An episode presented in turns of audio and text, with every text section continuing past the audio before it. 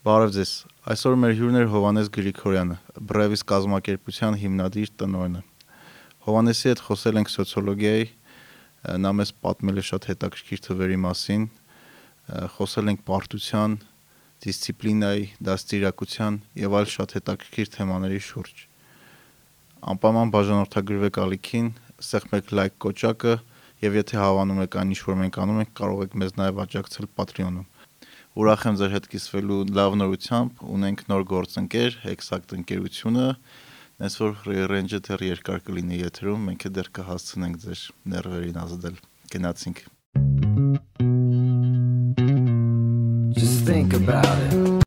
Հովանես ջան, բարի օր։ Բարի օր, Ոնց եք։ Լավ, շատ լավ, շնորհակալ եմ։ Առաջի բանը, որ ուզում եմ ձեր հետ զրուցեմ, դուք զբաղվում եք սոցհարցումներով, ու շատ-շատ տարբեր ինֆորմացիաներ եք տեսնում մարդկանց հետ զրուցելով, հարցեր տալով այս վերջի ամիսներին որ թիվն է որ ձեզ շատ զարմացրել է։ Ճիշտ է, Նարեկ, ես 15 տարի եմ զբաղվում եմ սոցհարցումներով եւ 15 տարի չեմ դադարում զարմանալ թվերին, որոնք մենք ստանում ենք հետազոտությունների ընթացքում։ Երևի մինչև վերջին ամիսներին անցնել է, երևի իմ կյանքի ամենազարմանալի թվի մասին խոսամ կարծեմ 2011 թվականին էր մենք հետազոտում էինք ընտանեկան բռնության, ընտանեկան հարաբերությունների թեման, ինձ ապշացրել էր, որ հետազոտված կանանց, գյուղաբնակ միջին տարիքի կանանց 90%-ից ավելին ոչ միայն արդարացնում էր արտամասնական կապերը, այսինքն դավաճանությունը, այլ տանարդ կողմից, այլ համարում էր դա նորմալ Ոյքու։ Այսինքն իմս ասում են, որ մանավանդ խոպանա գնացել տղամարդը ոնց չդավաճան։ Դա երևի top թեման էր իմ 15 տարվա գործունեության ընթացքում, իսկ եթե վերջին ամիսների մասին ենք խոսում, երևի թե ինձ չի դադարում զարմացնել մեր այսպես ասած ազգային մտածողության պակասը կամ ազգային գաղափարների, ազգային երազանքներին հեշտ ազգային երազանքներից հեշտ հրաժարվելը։ Իսկ դա թվերով ոնց արտահայտվում։ Ну, օրինակի համար որքանով է կարևոր Ղարաբաղը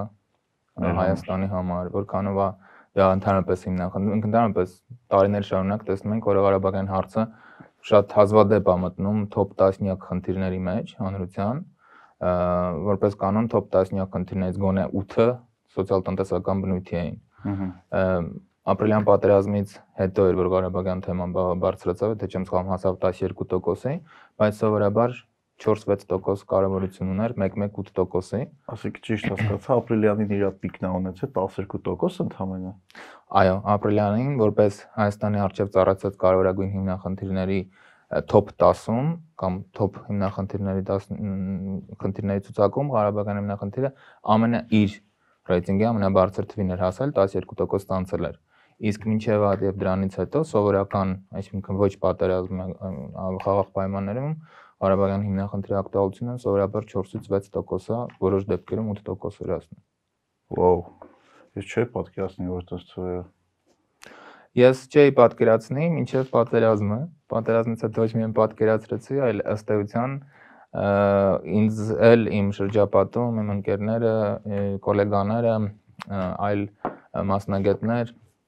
միշտ զարմանում են տարակուսում են միգուցե հարցն ենք սխալ ձևակերպում, միգուցե ընտրանքն ենք սխալ կառուցում եւ այլն եւ այլն, որ այդքան ցածր թվեր ենք ստանում։ Բայց ըստ էության այդ միայն դա չի, այսինքն մեթոդաբանական խնդիրը իհարկե կարելի լինի, բայց դժվար թե 15 տարի շարունակ մեթոդաբանական արդյունքով լինեն դրանց տենդենսներ։ Ըստ էության, եթե սոցիոլոգիայում սովորաբար խոսվում է 3 տիպի արժեքների երանկյունի մասին, որի դիադայի մասին, որի վրա կառուցված է հասարակություն, դա անվտանգություն, բարեկեցություն եւ արդարություն արժեքներն են։ Եվ երաշտական էկվալայզերների նման տարբեր պատմական ժամանակաշրջաններում, տարբեր քաղաքական process-ների արդյունքում, տարբեր արտաքին եւ ներքին գործոնների ազդեցության տակ ոնց որ մի էկվալայզերը բարձրանա, մյուսը իջնի, անվտանգությունն է դառնում պրիորիտետ, բարեկեցությունն է դառնում պրիորիտետ, արդարությունն է դառնում պրիորիտետ, վերջին 10-15 տարիների ընթացքում երևի թե ես հակված եմ բացատրել նրանով, որ անվտանգության հիմնահարցը ֆունդամենտալ լուծում էր ստացել, դրա համար արդարությունը եւ բարեկեցությունը միշտ ավելի առաջնային են որպես հիմնախնդիր ընկալվում, Հա։ այսինքն հասարակությունը ընկալվում էր ավելի քիչ արդար, քան մարդիկ կուզենային, իրենց բարեկեցությունը ավելի ցածր էր, քան իրենք կուզենային, բայց անվտանգությունը միշտ երրորդ այդ տրիադը վերջում էր։ կարևորությունը։ դրա մասին չենք մտածում, որ որովհետև կար, հա։ Երևի թե հիմա տարբեր գործոններ կարելի է, տարբեր բացատրություններ կարելի է տալ։ Հետաքրքիր է օրինակ Ղարաբաղյան հարցումները, երբ որ մենք Արցախում ենք հարցումներ անում, տարբեր տարիներին ինչեր պատերազմը, այնտեղ անվտանգությունը միշտ 80%-անոց պրիորիտետ է ու այսինքն նույն մեթոդիկայով այլ հանրույթում հետազոտությունը ցույց է տալիս կոորդինալ այլ պատկեր, այսինքն այնտեղ մարդիկ ասում են կարող է խաղաղություն լինի, տնտեսությունն էլ կզարգանա, կյանքն էլ լավ կլինի եւ այլն, իսկ այստեղ ասում են դե խաղաղություն կա, ինչի իմ հարևանի տունը իմ տնից ավելի մեծ կամ ինչի ես պետքա, չգիտեմ, օրը 24 ժամ աշխատեմ ավելի քիչ փող վաստակեմ եւ այլն, այսինքն ֆունդամենտալ արժեքային բուրգում կարծես թե անվտանգության պահանջմունքը ավելի բավարարված էր եւ դրա համար ոնց որ անցել ենք արդարության եւ բարեկեցության պահանջմունքների բավարարմանը, էլի։ Իսկ ես պատերազմից հետո փոխվել է։ Չնայած Ռուբեն Վարդանյանի Վարդանյանը, եթե չեմ սխալվում, որ հնչեցրեց այդ թիվը, որ պատերազմից հետո Հայաստանի բնակչության 80%-ը ը, ուրախ է, որ Ղարաբաղի հարցը լուծվել է։ Ես անկեղծ ծանոթ չեմ ինչ հետազոտության հղում կատարում պարոն Վարդանյանը, հավանաբար իրենք էլ են անում նման տիպ հետազոտություններ, բայց այն հետազոտությունները, որոնք մենք ստանում ենք, հերո չեն, այդքան կոպիտ չի Հա։ ձևակերպումը, այսինքն ուրախ չեն, բնականաբար Փարք Աստծո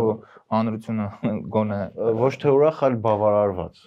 այնուամենայնիվ, եթե մենք այդ նորից այդ տրիադայում նայենք, մենք հստակ էլի տեսնում ենք, որ հակադրվում անվտանգություն եւ բարեկեցություն հակադրության մեջ։ Իրանք չպետք է հակադր- հակադրվեն առօրյա կյանքում։ Չես կարող քո զավակներին հակադրես, չես կարող քո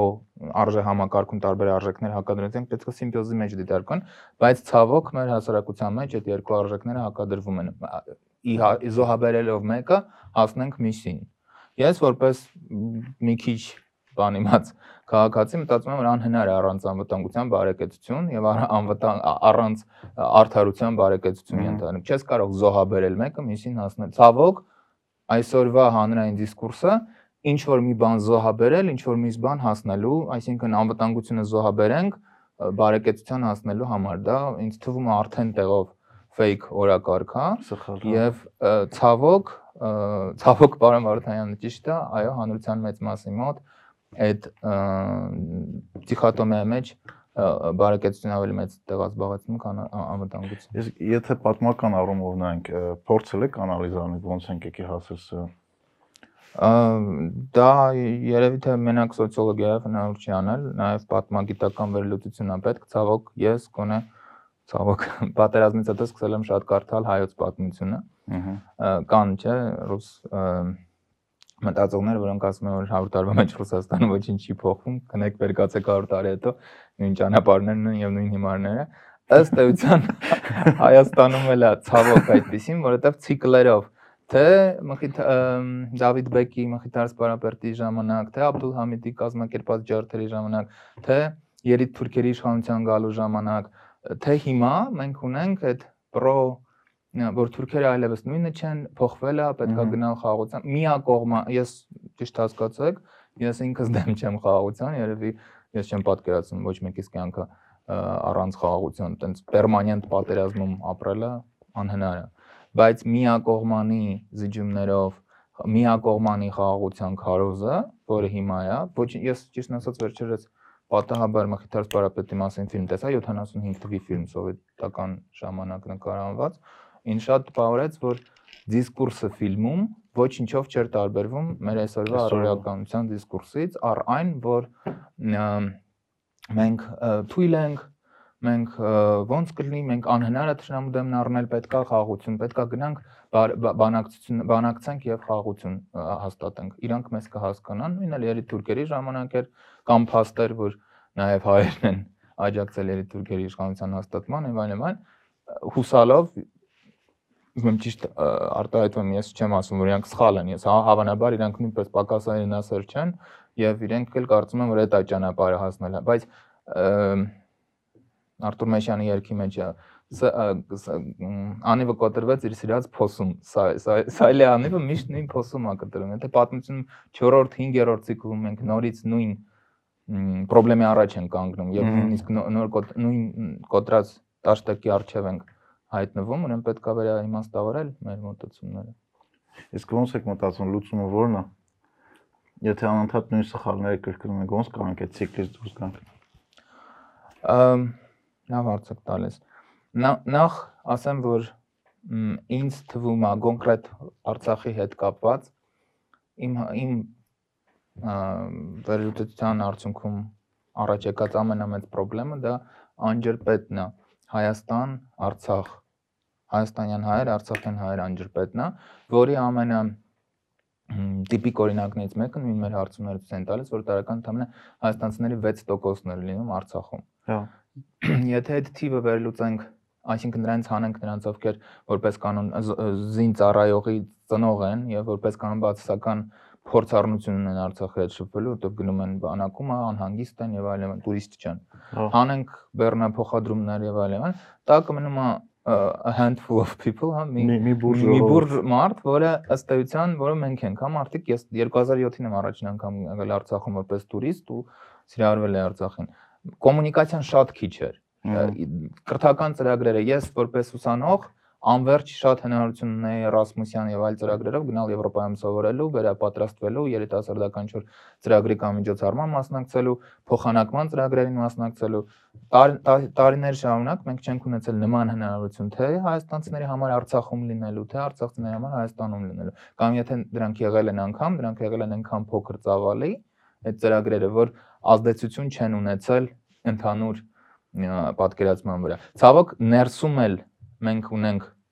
Լորեցին Սյունիքում չի լինում, Սյունեցին, չգիտեմ, Տավուշում շատ հազվադեպ ալնում եւ այլն, կորոնայի դրական հետևանքներից երևի թե կխոսանք, երևի դրա հատկական հետևանքներից մեկը դա ներքին տուրիզմի զարգացումն է։ հա։ Զարգացումն է, որ գոնե մենք մեր երկիրը, մեր բակից ենք կոմ տեսնենք մեր երկիրը, բայց ֆունդամենտալ գործոններից մեկը նաև էս էր, որ քիչ կոմունիկացիա կար։ Իհարկե կրթությունը եւ արժե համակարգի ձևավորումը դա նույնիսկ մի ինչքան էլ մենք խոսում ենք նահատում որ կյանքն արագ է փոփոխվում, այնուամենայնիվ արժե համակարգի սերմանումը մի սերունդի գործ չի դա տասնամյակների ուսուցման դասիրակման վերապատրաստման ուղղակի հիմքա ուղղակի իմ համար մյուս պարադոքսը կամ մյուս ցավալի դրվագը է, որ ըստ էության երևի չի կոռեկտ չի ես համատությունը, բայց ես անընդհատ մտածում եմ ոնց տեղի ունեցավ, որ ինչ տեղի ունեցավ, որ 94 թվականին պարտված Ադրբեջանը 26 տարի չ հրաժարվեց Ղարաբաղը հետ բերելու երազանքից ինչ ոնց տեղի ունեցա, ինչ տեղի ունեցա, որ Թալիբները 2000 թվականի իշխանությունը 2001-ին կորցնելուց հետո 20 տարի չհրաժարվեցին իշխանություն վերադառնալու իրանց երազանքից։ Իսկ մենք թեկուզ եւ պարտվելուց ընդհանուր 3 ամիս հետո արդեն հարցադրում ենք տալիս, բայց շուռնուխը հայկական է, բայց ես ինչ, բայց դա հայկական հողեր են, ինչի մենք տենց հեշտ հրաժարվեցինք մեր երազանքից, էլի։ Ինչի տևեց ընդհանուր 3 ամիս, որովհետեւ մենք կասկածի տակ դնենք այն արժեքները, որը մեզ դաստիարակել են, այն հայրենիքը, որը որը մեզ ժառանգել են եւ այլն եւ այլն։ Բայց կարող դեռ չեմ գտնում պատասխան։ Կարող է երազանք չէր։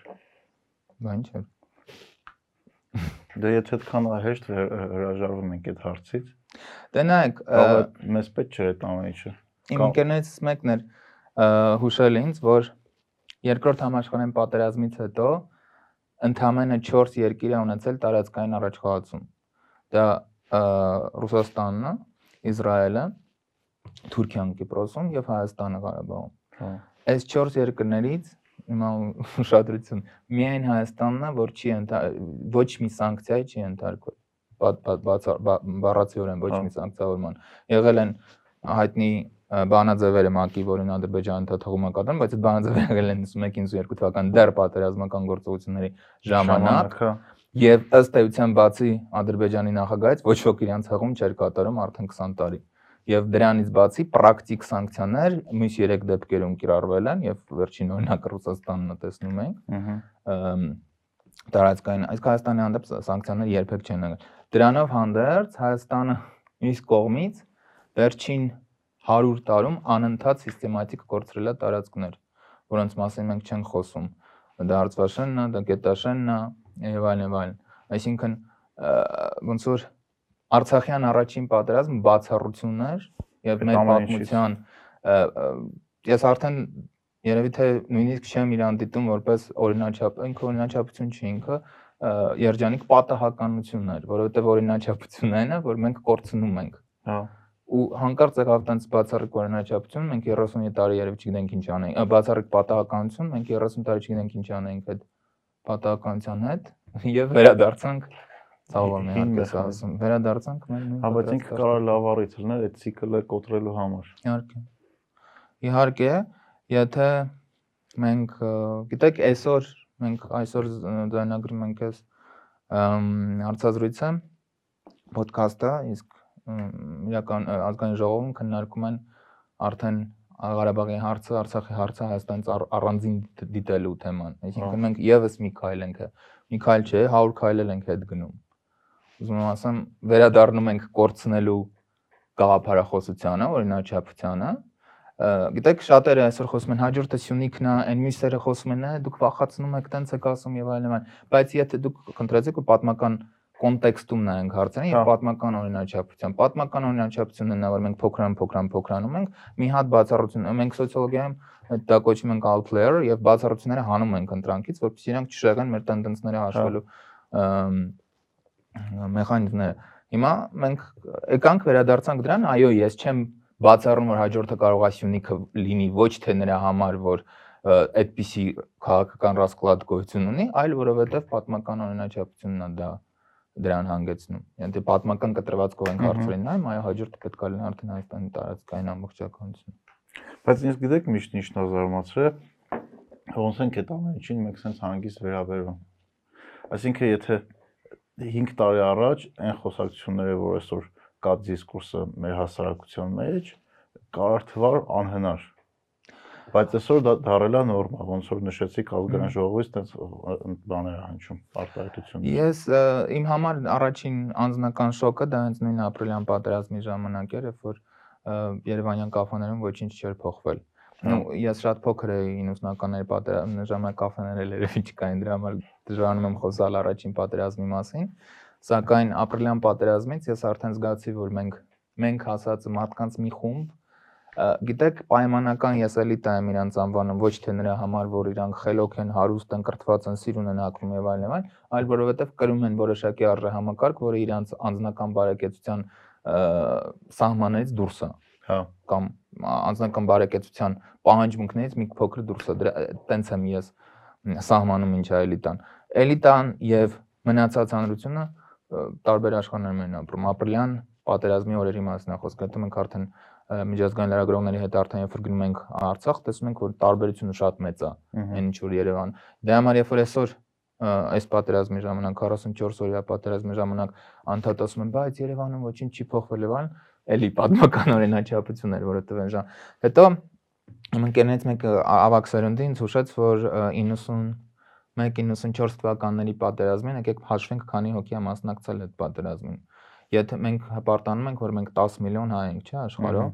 դուք 10 միլիոն չլինի, ասենք եթե լեզվի իմացություն ունենք որպես 5 միգուցե 5 միլիոն լինի, բայց այնուամենայնիվ բոլոր մարդիկ, որոնք երբևէ եղել են պատերազմում, 90-ականներին զինվորներով, բուժքույրերով, լրագրողներով եւ այլն բոլորը իրար հետ 50000-ը չի անցնում։ Այսինքն ամբողջ հայության 1%-ն է առերեսվել Արցախյան առաջին պատերազմի հետ։ Հա Հասկանում եք, դա ինչ փոքր։ Մենք իհարկե խոսում ենք դրա մասին, որ կամավորները Կարողացանք այդ 1%-ով հաղթել։ Հա, իհարկե, հարցը դրա մասին չի, հարցը դրա մասին է, որ խնդրեմի կրողը կամ խնդրեմ տեսնողը եւ ապրողների թիվը անհամեմատ փոքր է ու դա չի կարող լինել քրիտիկական զանգված, որպեսի փոխի մտածողությունը։ հա։ Ես հղում կատարեցի, то есть փորձեցի ասել ինձ զարմացնում ադրբեջանական եւ թալիբական, թալիբանական երազանքի պահպանման բնազդը, բայց միգուցե այստեղ նաև իրենց կրոնը, տարածքների կորցնելու հանդեպ անհանդուրժողականությունը եւ այլն եւ այլն իրենց անհրաժեշտ իրենց դերակատարումն են ունեցել։ Ես չգիտեմ մեր դեպքում որն է այդ տոլերանսի հանդուրժողականության շեմը, որից այն կողմ մենք պատրաստ չենք զիջումների եւ պատրաստ չենք լինել տոլերանտ չգիտեմ դա որն է, դեռ չեմ տեսնում։ Միշտ ասում ենք, տենց արտահայտություն չէ, կա անդադ քեզ թվում է որ դու խփել ես հատակին, մեկ էլ տակից ինչ որ մենք ծածում է։ Հիմա դա ես չգիտեմ այդ հատակը որտեղ է դեռ։ Հա տենց լավ հարց եք բարձրացնում։ Ինչ պետք է լինի, որ մենք էլ չհանդուրժենք այս ամեն ինչը, էլի։ Դե փաստը ցույց գիտեք անցյալ տարվա պատերազմից հետո տարբեր իրադարձություններ, տարբեր զարգացումներ անընդհատ ցույց տվեցին, որ այդ հատակը դեռ շատ կա ու դեռ կարող է եւ ավելին գնալ։ Ու այո, այսօր հերթական այսօր իմ համար հատուկ եմ այսօրը նշում, որովհետեւ մենք առաջին անգամ բացեցինք հերթական Պանդորայի արկղը, որտեղ խոսվում է նրա մասին, որ Ադրբեջան Արցախյան ժողովրդի անվտանգությունը Ադրբեջանի կազմում տեսնելու մասին։ Դրա մասին մեր ոչ մի քաղաքական գործիչ չէր հանդգնել, չէր ռիսկ արել խոսալ 30 տարվա ընթացքում եւ համոզված եմ սովետական միության ժամանակ էլ չէին խոսում այդպես։ հա։ Այսինքն ոչ ոք չէ, այսօր մենք հերթական հատակը բացահայտեցինք, դե տեսնենք ինչ կլինի, բայց ես համոզված եմ որ ոչ մի արձագանք էլ չլինի։ Այդ ինֆորմացիան այդ այդ դա ճիշտ եք ասում, այդ ինֆորմացիան շատ շատերի համար տենց ոնց եկավ, նենց է կգնա։ Բայց ինքը դիսկուրս է բացում։ Մարդիկ սկսում են դրա մասին խոսան երբ որ խոսում են շատ բաներ դառնում են նորմալ ոնց է որ նոր նոր իդեայի մուտքը հասարակության մեջ ոնց է սկզբում հա։ այդ tension-ը կա, չէ՞ որ հակադրությունն է, հետո արդեն երբ որ լսել ես, նույնիսկ երբ որ հակադրվում ես, միայն փաստը որ դա արդեն բարձրաձայնվել է եւ դու դրան լսում ես, արդեն իրան դարձնում է նորմալ։ Մի քանի անգամ լսելուց հետո արդեն ինքը դառնում է new norm ոնց որ շատ իդեաներ ես 5 տարվա մեջ ոնց որ խոսեցինք անհնար էր թվում որ դառնա նորմալ, բայց դառավ նորմալ ու չգիտեմ։ Գիտեք, շատ ցավոտ կողմի մասին կխոսամ, երևի թե նու իմ համար ամեն դեպքում բավականին ցավոտ էր, որ երբ որ մեր ընտանիքում մենք տրավմա ենք ունենում, մահանում է ինչ-որ մեկը, չէ որ այդ ցավի կամ տարապանքի կամ վշտի հաղթահարման փուլերը հենց նենց չեն 7 տվեցին, 40 տվեցին տարին հոգեբանության մեջ, շատ հստակ առանձնացվում են այն ժամանակահատվածները, որտեղ մարդը կարողանում է վիշտը հաղթարել 7 հա։ օրը դա առաջին այդ Դնիպրի այցից չընդունումից հետո 40 օրը երբ որ արդեն ջղայնությունն համակերպումն է այլ մի տարվա մի տարուց հետո դու արդեն նոր կարողանում ես վերադառնալ մինչև տրավմա վիճակը։ Իհարկե տարբեր մարդկանց մոտ տարբեր է, բայց հոգեբանությունը հստակ սահմանել է այդ ժամկետները։ Իմ համար ցավալի է շատ եւ վշտացնող, որ պատերազմից դեռ մի տարի չանցած, նույնիսկ մի քանի ամիս չանցած, մենք արդեն հանրային ուրախության արտահայտման տարբեր դրսևորումներ կային։ Մենք մեր տան ճանապարհին հաճախ տեսնում ենք ռեստորանները, որոնք արդեն դեկտեմբերի կեսից լիքն էին մեքենաներով եւ այլն եւ այլն։ Իհարկե անձնական միջոցառումների մասին չեմ կարող եւ իրավունք էլ չունեմ խոսալ, բայց որ դրանք տեղափոխվում են հանրային դաշտ, իսկ հանրայինա ցանկացած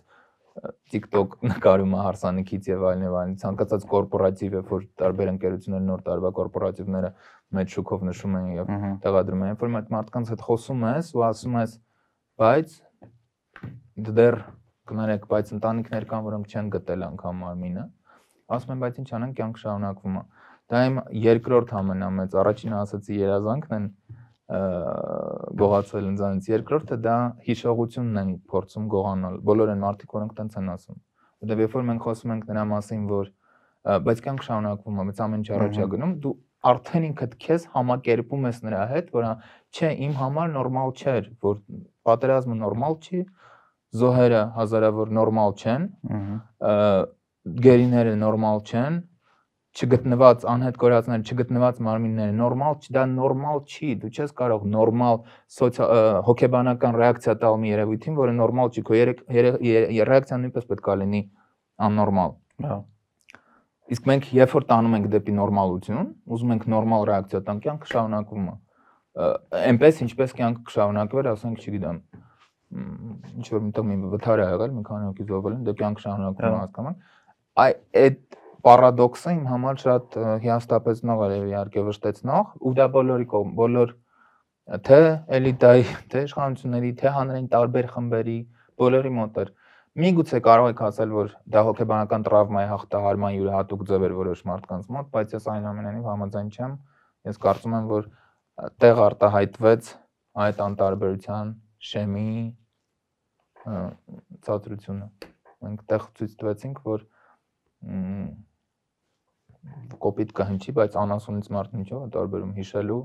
ունակությամբ, երբ որ անասունի դիմաց իր հորթին մորթում են, այդ անասունը կես ժամ անց կաթա տալիս մորթողին։ Իսկ մարդը հիշում է, որ իրան ցավացրել են եւ պահում է այդ հիշողությունը։ Հիմա մենք ո՞ր ենք գնում։ Ասենք այդ հիշողությունը, եթե մեզանից խլեն, մենք կդառնանք այնց ազգ ազգի իրավունք չունենք ազգ լինելուց։ Այո, եւ ցավոք հիշողությունը ոչ միայն խլում են, այլ հիշողությունը նաեւ մենք չենք ուզում ունենանք։ Ես վերջերս կարդում եմ Generation Z-ի մասին։ Ահա մենք արդեն այդել չենք մենք միլենիալներ են վերջի միլենիալներն ենք Z սերունդը բնորոշ Z սերունդին բնորոշող իհարկե շատ թվայնացման դարաշրջանում ապրելը կրթության կարևորել է վարին բայց Z դարաշրջանը ամենակարճ հիշողություն ունեցող Z սերունդը ապրում ամեն դարաշրջանում որտեղ հիշողությունը այլևս այդքան կարևոր չի Մենք դա մեր առօրյա կյանքում բնականաբար տեսնում ենք ցանկացած իրադարձություն, որը առաջ տարիներ կամ տասնամյակներ առաջ ինչ ասեմ, օրեր, ամիսներ շարունակ կլներ քննարկման եւ անհանգստության թեմա, հիմա ժամերի, րոպեների արդյունքում փոխվում հա, եւ հա։ մոռացվում։ Այնպես որ ուզում եմ ասեմ, սա նորմա, նոր նորմն է ոչ միայն Հայաստանում, այլև ընդհանրապես աշխարհում, բայց դե հիմա էլ խոսամ հակառակից, ասում եք ինչ թիվն է, ինչ որ թիվն է զարմացնում հետազոտությունների մեջ, երբ որ մենք 18-ից 30 տարեկան երիտասարդների հետ ֆոկուս խմբեր ենք անում ազգային գաղափարախոսության, ազգային արժեքների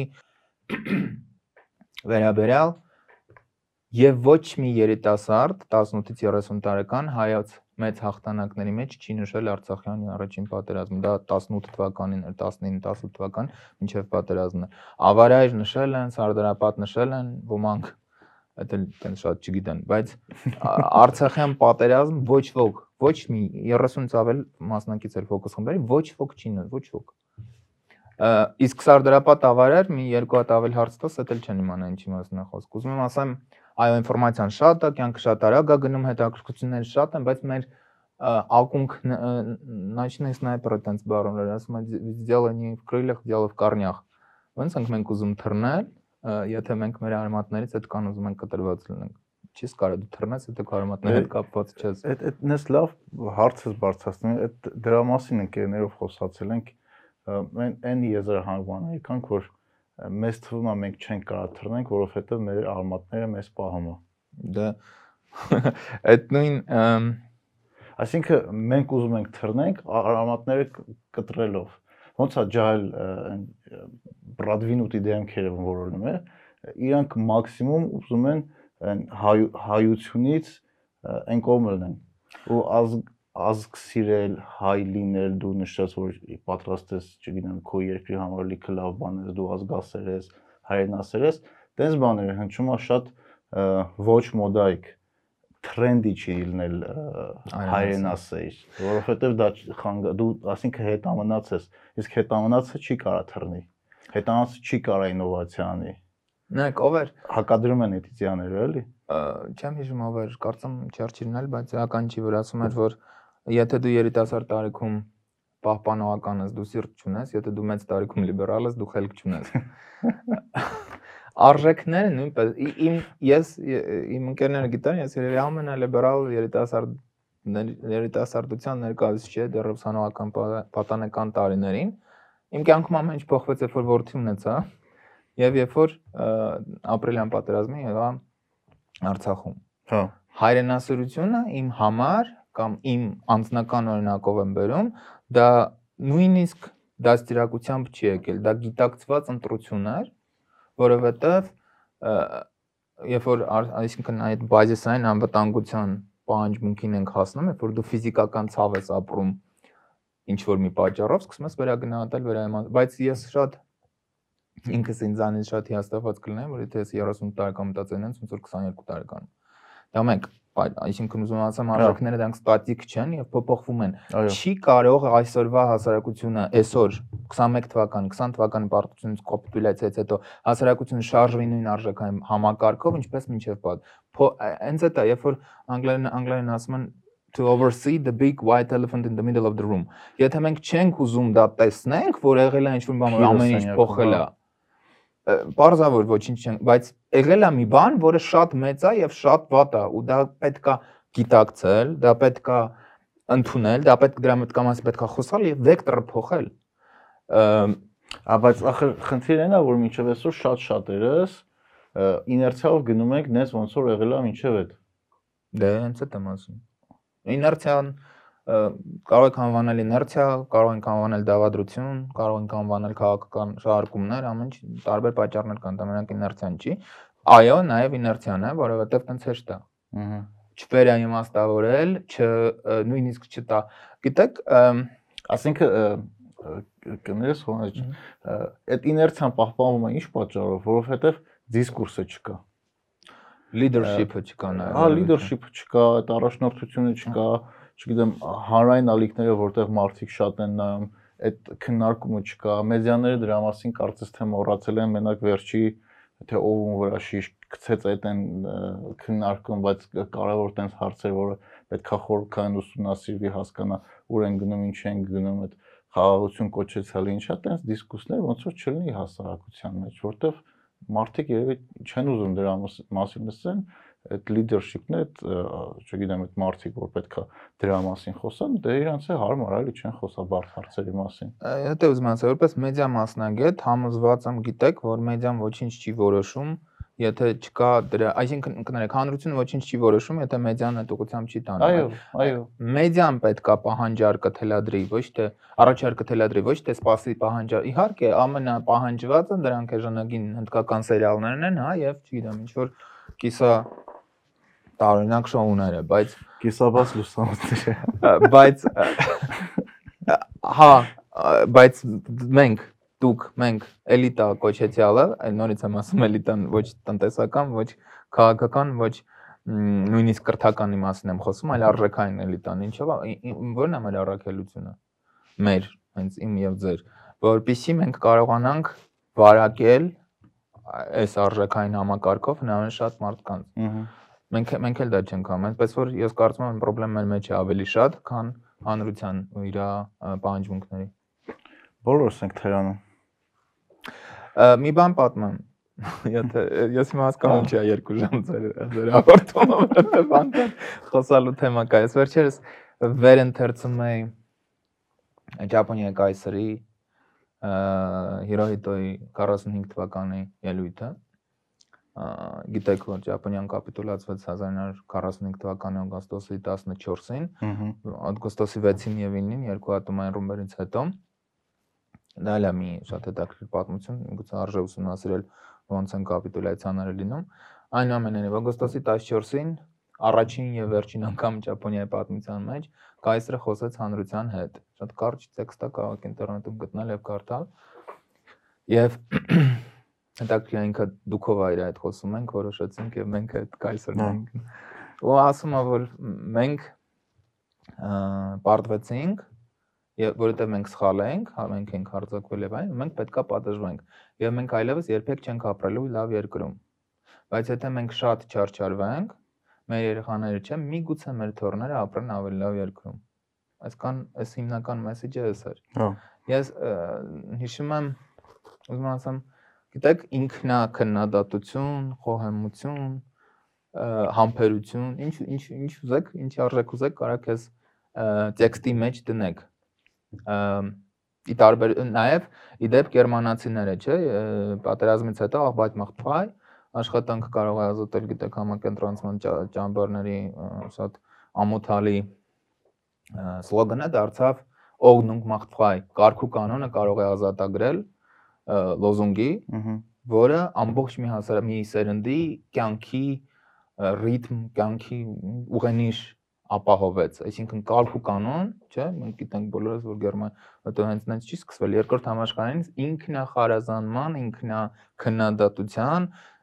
սեփական խնդիրները տեսնելու եւ կատարելագործվելու ուղղություն ուղղության ուղենիշներ սլոգանը հետ խորհրդային հայկական էթնիկ դիսկուրսը ցավոք չանցավ, երբ որ ուրիշները ծառերի վրա են, մենք առաջին քրիստոնյա ազգն ենք, սաղ մեզ պարտական են, աշխարհը մեզ չի գնահատում եւ այլն, նման աշխարհին ապացուցենք, հա, նման բաներով, նման դատողությունից ենք մենք ամենալավն ենք։ Ուզում եմ ասեմ, երևի թե ազգային արատ է մեծ ամտությունը եւ համազգային ազգային մակարդակով եւ անձնային մակարդակով դա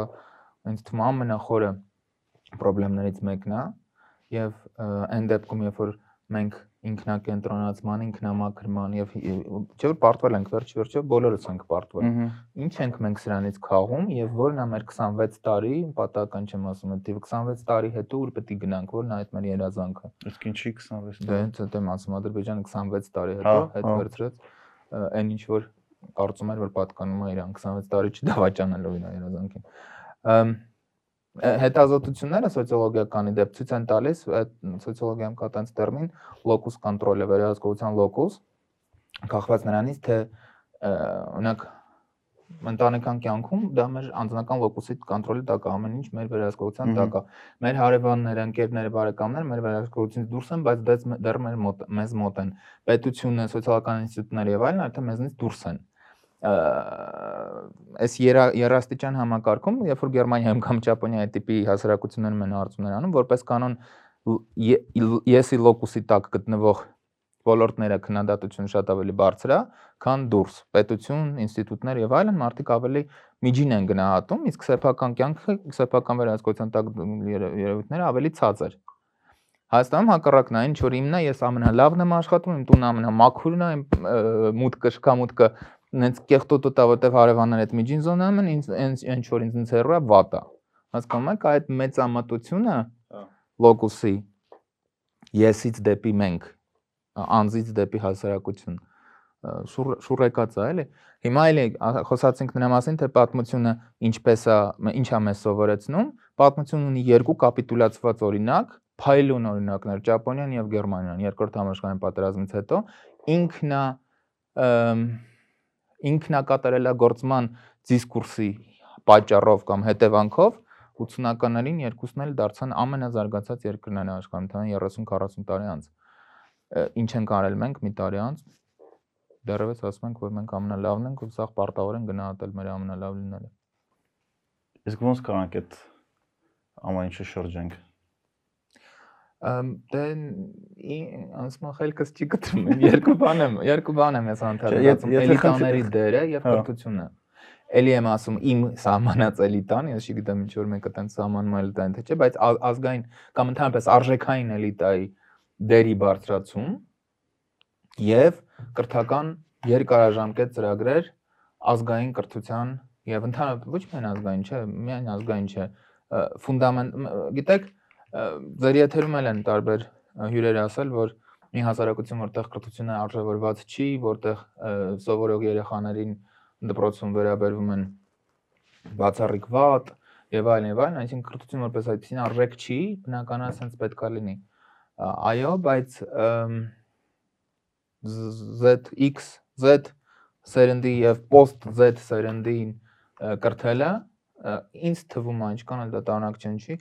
անհավանական ավելի հեշտ է, քան մեր սերունդները եւ այլն։ Հեշտ է հակառակը, ինձ թվում է հակառակն է։ Չէ, ես ձեզ ասեմ, երբ որ ես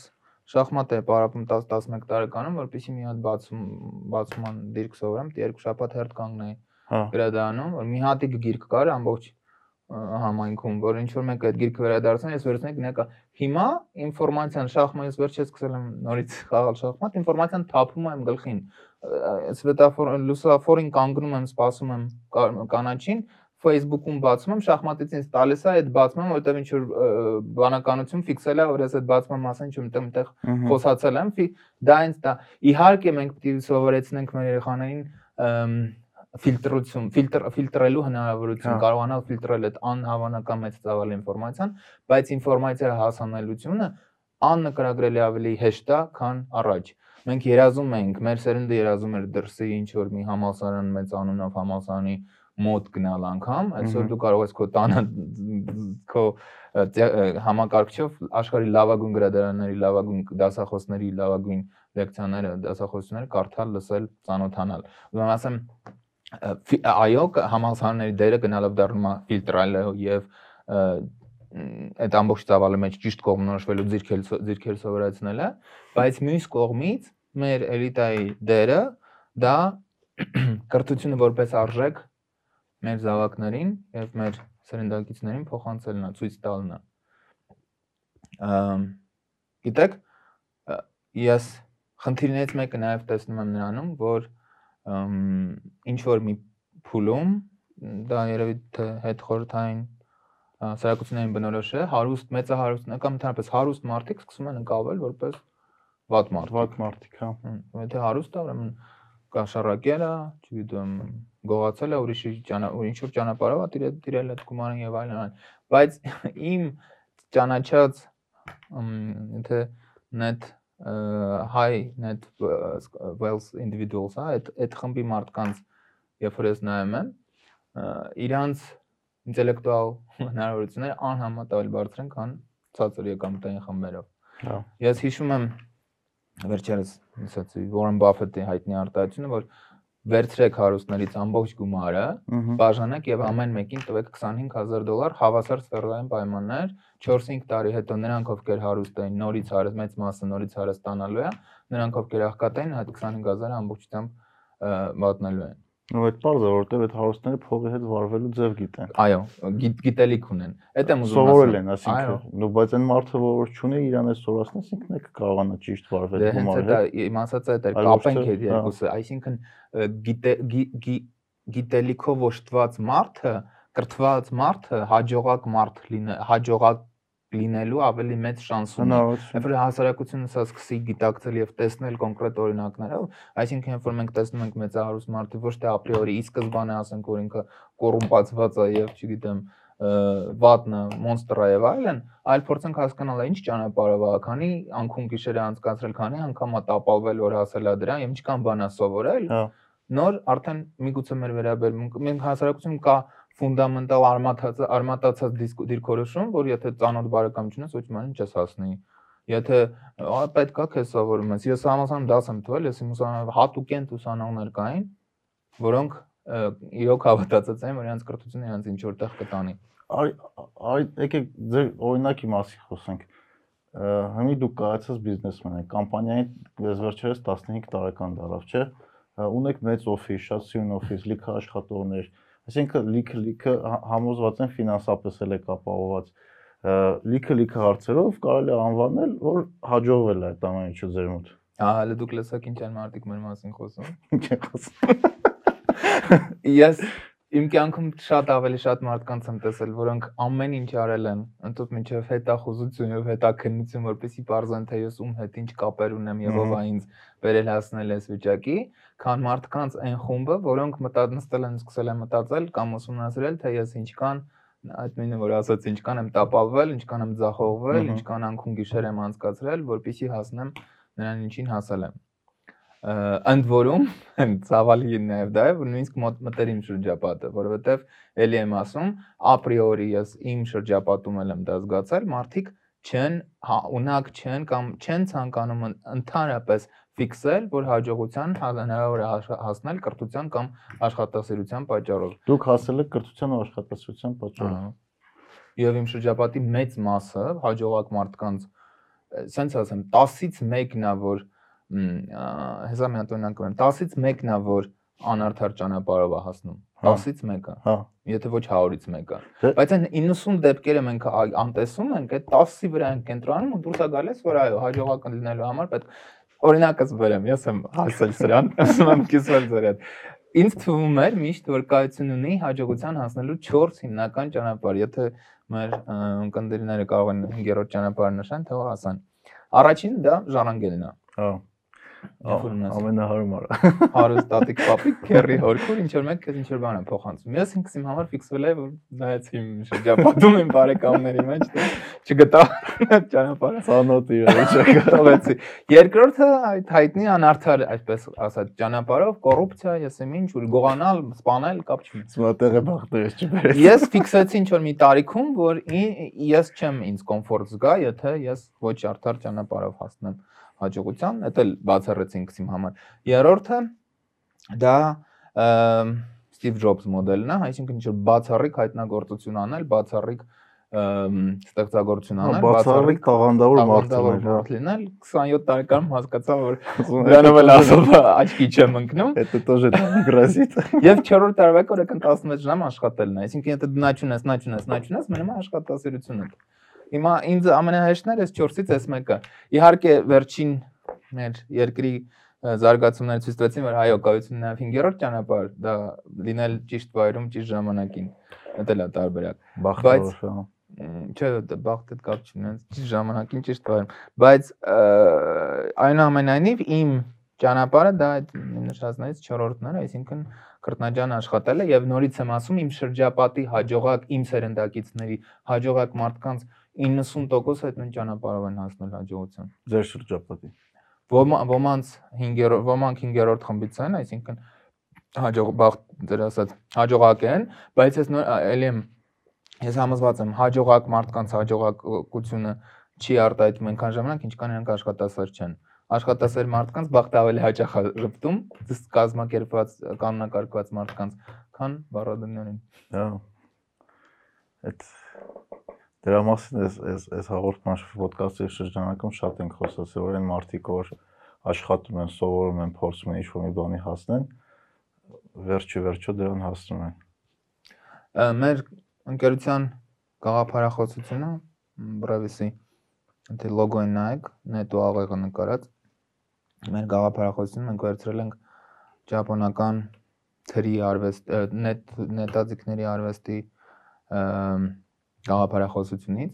լավ նետաձիգը ճապոնիայում համարվում է ոչ թե նա որը կավ ու խփեց նշանակետին, այլ նա որ ճիշտ մտավ սենյակ, ճիշտ դիրք կանգնեց, ճիշտ վերցրեց նետը, ճիշտ ըմ, աղաղը դրեց նետի մեջ եւ փակում աչքերը։ Եթե ինքը ամբողջ process-ը ճիշտ է կազմակերպել, նետը աղաղ ինքն իրան, նետը ինքն իրան կգնա եւ կխփի նշանակետին։ Դու պետք չի արդեն նետի նետով զբաղվես, դու պետք է քեզ կազմակերպես։ Ես կարծում եմ, որ կյանքում առօրյա կյանքում էլ է այդպես։ Եթե դու process-ը ամեն ինչ քո անձնական կատարելագործման, քո աշխատանքի, քո պրոյեկտի process-ը ճիշտ ես կատարել, արդյունքը ինստինկտիվ լավը կլինի։ Մետ հետաքրքիր է ձեր արժև ինչ նպատակ եք դրել, որը ստիպում էր օրը 16 ժամ աշխատել։ Ես անձամբ Հա, ինձ շատ հետաքրքիր է մարդուն ինչն է ստիպում, որ ինքը ը, ընկերների հետ չհանդիպի, ընտանիքի հետ քիչ ժամանակ անցկացնի, չգիտեմ, լիքը կարճաժամկետ հաճույքների չօգտվի, օրը 16 ժամ աշխատի, որ հասնի ինչ որ մի կետի։ Իմ հոլանդացի ընկերները, իմ գերմանացի ընկերների մասին ասում են, իրենց ուղեղը բաղկացած է կազմած է երկու մասից։ checklist-ից եւ action plan-ից։ Task completed, task completed։ Ես կարծում եմ դա հաջողության հասնելու ամենաճիշտ բանաձևն է։ Երբ որ զգացել եք առօրյա կյանքում անգամ, երբ որ դուք կադաստրից թուղթ դիվերցնեք, 5 ամիս կարող է չգնաք այդ կադաստր չվերցնեք, մինչև ինքը չի դառնում ձեր օրակարգի, ձեր ոնց է կոչվում, կալենդարի օրացույցի վրա կոնկրետ ֆիքսված ժամ, վաղ ժամը 3-ին գնամ կադաստր, հենց ֆիքսում եք, գնում եք վերցնում եք, մինչև չեք ֆիքսել։ Ուզում եմ ասեմ, հաջողակ լինելն էլ է բանաձև, հաջողակ լինել Իրական բան ասես։ Մի շաբաթից ավել հենա նարեկը կհաստատի, չի թողի որ խափեմ։ Ես պետք է գնայի կադաստր։ Ամեն օր գնա, ֆիքսացիք։ երեք գիշեր to-do list-ից մեջ գրեցի, վաղը գնալ կադաստր։ Այսօր գնացի ցանկացած կադաստր։ աշխատանք, մա- ես մարդիկ գիտեմ տարիներ շարունակ ռեմոնտ չեն անում։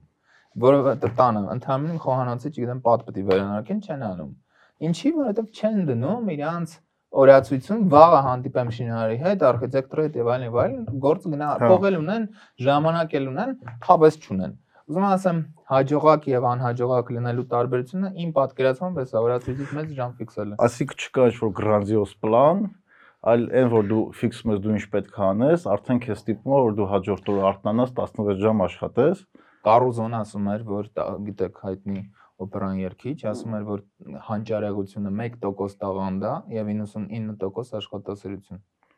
Դու դրանով ամեն ինչ ասված է։ Եթե դու ունես անverջ շատ տաղանդներ, Ահա։ որոնց թվին ես ինձ երբեք չեմ ա, Միգուցե այո, քեզ ամեն ինչ կտրվի շատ ավելի հեշտ։ Տենց մարդիկ էլ դրանք էլ են մի տոկոս ամբողջ հասարակության Հա։ մեջ։ Ընդհանուր հասարակության մեջ տաղանդ տաղանդավոր մարդկանց թիվը Այդքան էլ շատ չի, բայց մարդիկ շանս ունեն աշխատասիրությամբ դրացնել են բացը, որը բնությունը իրանց դե բանը մասով ստեղծել։ Outlier-ների մասին խոսացիք, Gladwell-ը այդպես մի հատ շատ հայտնի գիրք ունի, չէ՞, Outliers դրա մեջ ինքը ոնց որ հաջողության մյուս կողմն է պատմում, օրինակ Bill Gates-ը, Steve Jobs-ը կամ անցածը ոնց է նրանք հաջողակ դարը ու այդտեղ այն վերջի իդեան գրքի եթե չեմ սխալվում 70-ականների մենք փորձ են սկսում անեն որ Ամերիկայում ֆիլտրում են բոլոր ամենախելացի երեխաներին քննությունների միջոցով ամենաբարձր IQ-ով ու ոնց որ 30 տարուց ավել հետևում են այդ երեխեքի հաջողություններին ու պարզվում է որ բարձր IQ-ն դեռ հաջողության հասնելու գրավական չի։ Նույնիսկ անհրաժեշտ պայման չի։ Հա, ու ոնց որ իդեան էր, որ ինչ որ մի բան հասնելու համար հերիքա ալել բավարար խելացի, որը մարդկության մեծամասնությունն է։ Մնացածը Այսինքն կախված է արդեն այդ աշխատասիրությունից։ Նայեք, բոլոր նաև ճիշտ ժամանակում, ճիշտ տեղում հայտնվելու ֆակտորն էլ է շատ կարևոր։ Այո, բոլոր այն պրոյեկտները, որոնք ես սկսել եմ մտածել, հաշվել բիզնես պլան, ROI, չգիտեմ, net investment score-ը վայելնալ, տարբեր պարամետրներով ես իրանց չեմ սկսել, իրանք չեն հաջողվել, որովհետև թվերը ցույց են տալիս, որ իրանք հաջողված չեն լինի։ Բոլոր այն պրոյեկտները, որոնք ես չեմ խորացել, իրանք հաջողվել են այս պատահական չի ձեր թված ձեր նշած գրքի մեջ իր մասին խոսվում է իդե այսինքն տենց ամերիկյան այդ American Dream-ի կոմպոնենտներից մեկն է չէ never say no միշտ հայո ասել նոր opportunity-ների նոր նոր հնարավորությունների նոր մարտահրավերներին բաց լինել եւ այլն եւ այլն դրա մեջ կա որոշակի ճշմարտություն երբ որ դու նստում ես մանրակրկտորեն հաշվարկում ես ծրագրի ռիսկը, պրոյեկտ, բիզնես պրոյեկտի ռիսկերը, խնդիրները դրա հետ կապված եւ այլն եւ այլն, միշտ մեծամասամբ դեպքում այտենց ոչ ռիսկային բիզնես չի լինում բոլորը բիզնեսներն էլ չսկսած շատ մեծ ռիսկ են նրանց մեջ բառանում բայց հաջողում են նրանք որոնք վերջո սկսում են հենց արտահայտություն կա չէ որ մարդիկ որ լավ են հաշվում երբեք բիզնեսմեն չեն այո հենց հա, հա հենց դա դա ասում Bill Gates-ի մասին խոսացիք Bill Gates-ի Microsoft-ի պրոյեկտի սկսելը հեռախոսազանգեր երբ որ իրեն ասում են իսկ կարաք այսպեսի ծրագիր անենք ասում է հա ոչ թիմ ուներ ոչ ծրագիր ընդհանրապես դա նույնիսկ ինչ որ չէր էլ ավարտել։ Ես համոզված եմ, եթե դա հարցնեն ինչ որ տենց Harvard-ն ավարտած բիզնես կոնսուլտանտի, որը 100 միլիոն տարբեր մեթոդներով կարող են հաշվարկել բիզնեսի շահութաբերությունը ինքը կասել ոչ, դա անհնարավոր չի, բնական տեղ կփակվեր։ Այդ ոչի եւ այոյի արանքում նկատա երկե աշխատասիրությունը մի քիչ այլ եմ ասում, հաջողակ հաջողակ լինելը դա աշխատասիրության հետևանք է հաջողությունը եղել է որ մի փոլ որ համոզված եք որ այդ պահին հաջողությունը ձեզ ժպտացել է ու օգնել է կարիերան կառուցել միշտ երբ որ դու բաց ես լինում դրա համար, այսինքն բավականաչափ ջանք ես գործադրում։ Այսինքն, այտեսեք, եթե դու աշխատասիրություն, տաղանդ, դիսցիպլինա, համեստություն, խոհեմություն եւ այլն այդ ամեն ինչը այդ բորշը եփում ես, այն մի կոմպոնենտը փոքրիկ մի տոկոսը, դա հաջողությունն է, ինքը միշտ ինքնուրույն գալիս է վստահ։ Համոզություն դուք եք համաձայնում եք։ Հա, հա, այդ բանն է, Ջիմ Քոլինսի գրքի մեջ էր այդ իդեան շատ լավ քննարկվում։ Երկու գրքի մեջ է կար բանը good to great-ը, մեկը բան great by choice, great by choice-ը, ասինքն լավագույնը լինել ըստ ընտրության։ Այդ գրքի հենց բուն իդեան այն էր, որ դուք ասացիք, որ բախտ բոլորի բախտը կարա բերի ինչ որ մի փուլում բայց հարցը նրան է դու պատրաստ ես դրան թե չէ եթե դու պատրաստ ես բախտը գալու այսպես կողքով տանցնի գնա ու դու ոչ մի բան չհասկանաս բայց եթե դու անընդհատ պատրաստվում ես անընդհատ քո վրա աշխատում ես այդ բախտը գալիս է դու իրան բռնում ես օգտվում ես ու առաջ ես գնում քաղաքականության մեջ էլ է նույնը գիտեք երկրների կառավարման մեջ էլ է նույնը մենք հիմա այնքան ան ելանելի վիճակում ենք մենք ինքներս մեզ դրել, մենք պարտվել ենք եւ վերջ, վերջակետ։ Տենց չի իմ շատ հարգված մեր դեսպաններից մեկը, իմ ընկերներից մեկը վերջերս ասում էր, որ շատ լավ օրինակ է բերում, որ երկրներ կան, որոնք պարտությունից հետո բանակցային սեղան դիվանագիտությամբ շատ ավելի մեծ հաղթանակների են հասել, քան կարող են անգամ երազել ռազմի դաշտում հասնել։ Տիպիկ օրինակը Թուրքիան առաջին պատերազմ համաշխարհային պատերազմից հետո Կան օրինակ, ուզում եմ ասեմ, երբ որ դու գործում ես, երբ որ դու ձեռքը չես ծալում նստում, գործ գործողներին բախտը ճպտում է եւ գործողներն են հասնում։ Այդ աղը դու գտնում ես հնարավոր չի դու բորշը հպես բոլոր կոմպոնենտները մեջ լինեն աղի պատճառով չստացվում տենց չի լինում չէ այդ աղը ինչ որ դες գտնելու ես բայց երբ որ դու ասում ես աղ չունեմ ու չես էլ սկսում բորշը սարքել բնականաբար չես ունենում բոր բայց մենք հիմա ինձ թվում ենք այդ փուլում ենք որ մենք ասում ենք աղ չունենք ու բորշը չենք սարքում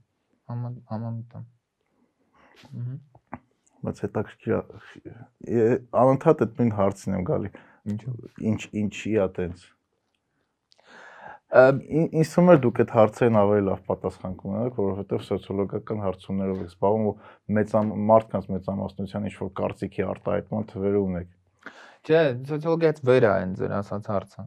որովհետև կա Mediterranean culture այսպես կոչված միջերկրածովյան այս բոլոր երկրները Իսպանիայից մենք մենք մենք ասում ենք չէ՞ այ հույների հետ մենք ինչ նման ենք հա։ նույնիսկ թուրքերի հետ ինչ որ նմանություն ունենք եւ այլն այս ամբողջ մշակույթը շատ sense leisure դանդաղ siesta, չէ՞։ Գնանք քնենք։ Հա, ես իմ համար Երևան քաղաքի ամենազարմանալի վայրերից մեկը դա Թումանյան փողոցն է առավոտյան ժամը 9-ից 10-ը դատար կա առավոտյան 9-ից 10-ը մեր Թումանյան փողոցը City-ն է չէ՞ մեր Երևան City կոչված business city-ն է սիրտն է դանդաղ դատար sense կյանքը սկսում է 10-ից հետո իհարկե երեկոյան շարունակում է բայց ուզում եմ ասեմ որ այդ մշակ ուզում եմ ասեմ մենք այդ մշակութային սոցիոլոգիական չի, մշակութային առանձնահատկություններ կան, պատմական առանձնահատկություններ կան, դաստիարակչական առանձնահատկություններ կան։ Վերջերս այդ ուսուցիչների հիմա շատ ված բան կասեմ ու մեր հերոստատողների կամ դիտորդների մեծ մասը կասես ինչա խոսում ձեր հյուրերին չեն խոսում, բայց վերլուծությունից մեկը ցույց է տալիս, որ 99%-ից 91%-ը մեր ուսուցիչների չեն տերապետում իրենց առարկանային 91% 99.1% 99.1%-ը։ Ամ ինչ մակարդակով չեն դիապազոն։ Այս վերջերս վերապատրաստման ուղարկված ուսուցիչների, այսինքն կամավոր համաձայնվել է գնալ վերապատրաստման շատ փոքր թիվը, եթե չեմ սխալվում, 1.5%-ը, հա, եւ դրանց մեծ մասն էլ կտրվել է տեստերից, հատկապես հայոց լեզվի եւ այլ տեստ։ Ուզում եմ ասեմ, լավ թող 99 չլինի, ասենք 20% մեկ այլ չէ, երբ որ դու մեծ թիվ ֆունդամենտալ կրթական համակարգում ունես խնդիր, երբ որ այդ նպատակաբանությունը չեն դնում, եւ վերջ այլ եմ ասում, սա սոցիոլոգիայից լայն է, մշակութային է, դասակարգային է ինչ որտեղ, որովհետեւ ես իմ շրջապատում դա տեսնում եմ, ես պատմության գրքերում եմ դա կարդացել եւ ես տարբեր երկրներում եմ տեսնում upper class, հա, middle class, lower class, որ ասում եմ working class, դա հենց նենց դա տարաբաժանում չի։ Հələ տեսեք ոնց է upper class-ը դաստիարակում եվրոպական երկրում իր երեխաներին եւ ոնց է working class-ը դաստիարակում ֆունդամենտալ տարբերություն է ոնց ես դու երեխայիդ նպատակաբանություն սովորացնում ոնց ես նպատակ դնում եւ ոնց ես իրան տալիս ձիքեր հասնելու այդ նպատակին ես շատ կարող կենցաղային օրինակ լինի բայց իմ որտուս հետ հաճախ եմ փորձարկում այդ մեթոդները բայց այնուամենայնիվ երբ որ դու կարամ նույնիսկ այդ օրինակը բերեմ համոզված եմ իմ կինը այդքան էլ ուրախ չի լինի դրանից բայց մենք մի մտնում ենք 4 տարեկան որդուս այդ խանութ ասում եմ ես մեքենա եմ ուզում ասում եմ մենք ունենք 1000 դրամ կարող ենք գնել մեքենա կամ յոգուրտ ինչ ես ուզում ասում մեքենա ասում շատ լավ գնում ենք մեքենան առնում գալիս ենք տուն երբ ասում եմ սոված եմ ասում գիտես մենք յոգուրտ չունենք, ուտելու բան չունենք, որովհետև չենք առել, այնպես որ պետքա սոված գնաս քնես։ Իհարկե կնոջ սրտից արնակաթում, բայց տենց ճանապարհում ենք քնելու։ 2-3 օր հետո գնում, այս իրական պատմությունն է, 2-3 օր հետո նորից գնում ենք խանութ։ Ասում եմ 1000 դրամ ունես, ինչ ես ուզում անես, ասում է յոգուրտ Հա։ Ես կյանքում իրան չեմ ասել, խաղալիք չի կարելի, այդքան չես ծախսում փողը մեքենաներ առնելու վրա եւ այլն, ինքն է որոշում։ Բայց հիմա տեսեք հայ ծնողներից ինչ կան են իրancs երեխային տալիս որոշելու եւ ամենակարևորը սխալվելու հնարավորություն։ Հնարավորություն, հա։ Իմ շրջապատում, իմ շրջապատ ասածը ճակերտավոր էլիտան է։ Այդտեղ մեծամասնություն տենց չի անում։ Ամեն ինչ մեր երեխաներին։ Հա Ուզում եմ ասեմ, որ ասում եք ինչու է, տենց պատճառները շատ-շատ են, դա միայն բուն սոցիոլոգիան եւ հարցումները չեն։ Մշակութային, ազգային, էթնիկական, դասիրակչական, պատմական այլն շատ-շատ են։ Ցավոք, այ խնդրեմը ստեղ է, ես վերջերս մեր գնեց մեկը, գիտեք, երևի ֆիլմ է նկարել Սևանի մասին, կատաստրոֆիկ վիճակում է Սևանը, այնտեղ խոսում են հարցազրույց են վերցնում հետազոտողներից, գիտահետազոտական ինստիտուտների, որոնք զբաղվում են էկոլոգիայի հարցերով, Սևանի հարցերով, ֆանտաստիկ բան ասում եմ, մարդը ասում է, հենց Սևան ջրիմուռներ են հայտնում, զանգվում են ասում են մի հատ հաշվետվություն շուտ բերեք, տեսնենք ինչ է կատարում։ Հետազոտությունը հո տենց մի րոպեում հաշվետվություն գրել չի, հետազոտություն դա տարիների տասնամյակների աշխատանք է եւ այդ աշխատանքի կոնգլոմերացված, ընդհանրացված արդյունքների հիման վրա կարելի է հուսալ, որ ինչ որ մի եզրակացություն կարողանաս կատարել։ Իսկ մենք ոնց որ այդ ֆիլմում ասում, ասում եմ ոնց որ մարդուն նկարես մի հատ ծնված օրը, մի հատ նկարես 50 տարեկանում, մի հատ էլ նկարես 78 տարեկանում։ Մարդու մասին ինչ որ բան կարաս, ասած թե չէ, սիստեմատիկ է թե հետազոտություն։ Ցավոք, այստեղ ազգագրական, պատմագիտական եւ այլ վերլուծություններ ես չեմ տեսնում։ Համալսարաններում դա չի արվում։ Միջազգային ֆոնդերով հետազոտողները, չգիտես, ինչ օրակարգ են հետապնդում, չեն անում ցավոք եւ այդ այս բարագայում մենք ունենք ինչ որ ունենք ու չենք կարողանում գտնենք ձեր հարցի պատասխանը ինչու այսպես որովհետեւ չենք հետո եթե չենք աշխատել ոնց բախտներս բերի եկանք դրան այդ երեխեք հետ կապված էս վերջերս մի հատ հետաքրքիր բան է կարդում ես New York Times-ում էր գրած այդ այդ այդ օրինակի վրա գրած էր որ ավելի ֆինանսապես ոչ ապահոված ընտանիքներում երեխեքին ավելի շատ բան են թույլատրում, քան օրինակ ապահոված ընտանիքներում։ Այսինքն, եթե երեխան ուզում է McDonald's ուտի կամ շոկոլադ, ծնողը առնում է ու այդ պատճառը հացատրում է նրանից, որ գալիս է մեղքի զգացումից, այսինքն այդ մարքեթինգից կիմանաք, մեր շատ լավ ընկերներից մեկն է սիրում այդ օրինակը բերել, այո, մարքեթինգում կան տենց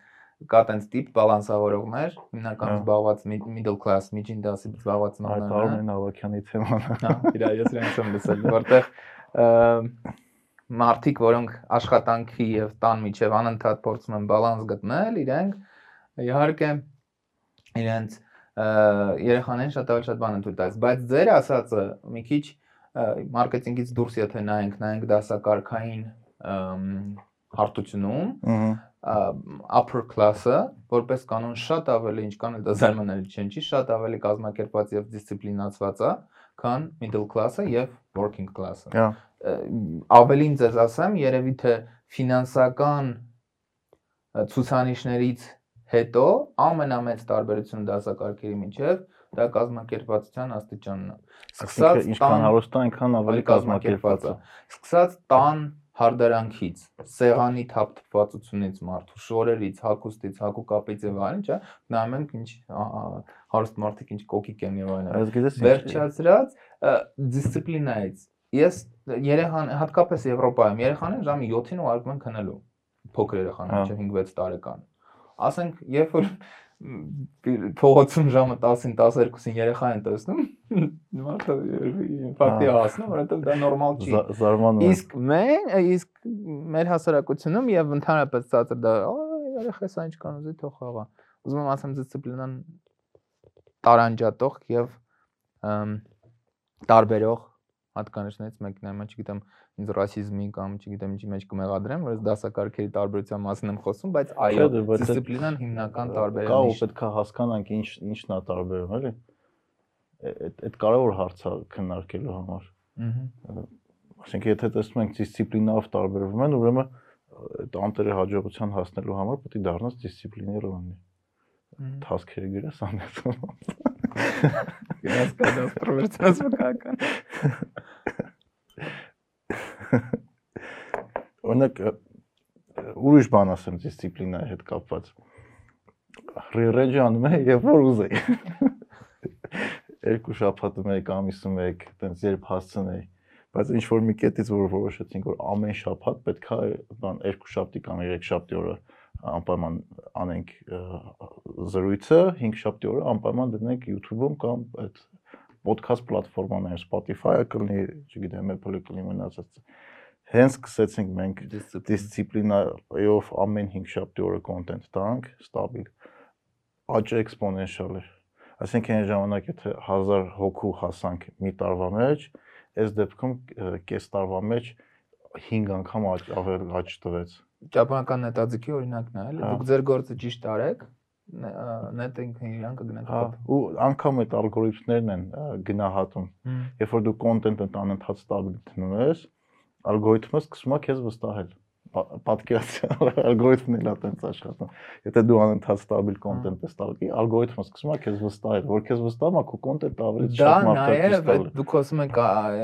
արհեստական բանականության, բայց նաև ոչ արհեստական, հա բնական բանականությունն էլ է տենց աշխատում։ Գրքեր չէ կամ ոնց է մարդու մոտ habit ոնց է սովորությունները հա երկու ամիս սիստեմատիկ դալբիտ անելը Հա։ Ամենը լավ օրինակը դա սպորտզալ գնալն է։ 2 ամիս է ատամները լվանալը 2 ամիս է, ինչ ասեմ, դիսցիպլիներուն ինչ որ բան ասեք, որ ուզում եք փոխել ձեր մեջ, 2 ամիս ժամանակ, եթե դուք մի մտածեք երկար անելու մասին, մտածեք 2 ամիս անելուց հետո դա դառնում է սովորություն, ինստինկտիան է սկսում արվել։ Այդ 2 ամիսն էլ այդտենց պետք է դնել կալենդարում ժամ 8-ին ջիմ, հետո ինքը ավտոմատ։ Հա ուզում ասեմ արհեստական բանականության հավանաբար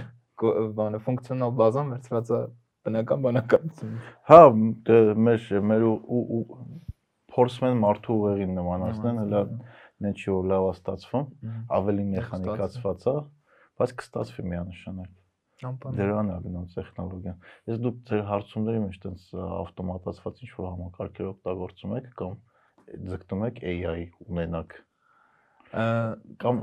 լավ հարցուր ձևակ ձև ձևակերպեմ հարցումները հիմա դարելա շատ ավելի դժվար չէ որովհետեւ ոլորտի մասնագետներից դրսում է Հայաստանում է որ լսում ես ասում են refusal rate-ը հայերեն ոնց է մերժումները մերժումները շատ բարձրանում է հատկապես հեռախոսով լավ տիրապետում եք մոտ Մի քիչ լավ լավ դժվար ասել, լավ ես ոչ մի բանի չեմ տիրապետում։ Երբ որ մենք սկսում ենք 2006 թվականին, մեր մերժումների ցուցանիշ չեր անցնում, եթե չեմ սխալվում 18%-ը, մենք վերցնում ենք ամերիկյան բրիտանական հարցումները, դեռ 95% մերժումներ կային, ասում ենք աստված, այս ինչա կատարվում, ոնց կարելի է ասենց հարցման վստահել այն։ Բարեկեցության աճը եւ հասարակության բարեկեցությունը հետևանքա չէ, նաեւ զբաղված հասարակության ավելի ոչ ազատ եւ այլն, վերեց հանգեցրեց նրան, ունենք Երևանի կենտրոնում մենք ունենք մինչեւ 60-70% մերժում, մարզերում 15-20%։ Իսկ դա ասեմ պատմականորեն, այսինքն մեր 15 տարվա ընթացքում մենք տեսանք մերժումների աճը, դա անխուսափելի process է։ Չես կարող ասել մերժումները պետք է ինչ-որ բան անել, որ մերժումներ չեն, չէ, լինելու են։ Դու պետք է արդեն կարողանաս մերժումների արդյունքում ստացված ինֆորմացիա հիման վրա կարողանալ ճիշտ վերլուծություն հա։ անել։ Սա արդեն իհարկե մասնագիտական դեբատների լայն դաշտ է բացում մասնագետների առջև, որոնց ոմանք ասում են դա հնարավոր է, մյուսները ասում են դա հնարավոր չի, բայց փորձը ցույց է տալիս, որ հնարավոր է փորձ ցույց է տալիս, որովհետև լավ սոցիոլոգը ված սոցիոլոգից տարբերվում է նրանով, որ պարտադիր չի ուսումնասիրել 100% հասարակություն, որ մտամ, որ իմանալ թե 100% հասարակությունն ինչ է մտածում։ Դու պետք է 1000 շատ լավ ինսայթ հումոր էր։ 1000 հոգու, հա, հարցում անելով դու պետք է կարողանաս եզրակացություն կատարել ամբողջ հասարակության մասին, իսկ ամբողջ խնդիրն անում թե ովքեր են այդ 1000 հոգին, հա։ որոնց դու ընտրում ես։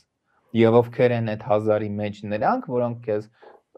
ավելի շուտ մոտավորապես 4000-ի մեջ այն 3000-ը, որոնք քեզ մերժել են, որpիսի այդ 1000-ը ընտրվեն, այդ 3000-ն էլ կարող ես ինչ որ ձևով բնութագրել։ Եթե սրանց կարող ես բնութագրել, բնականաբար կարող ես ստանալ ամբողջ հասարակության պատկերը, այո, դա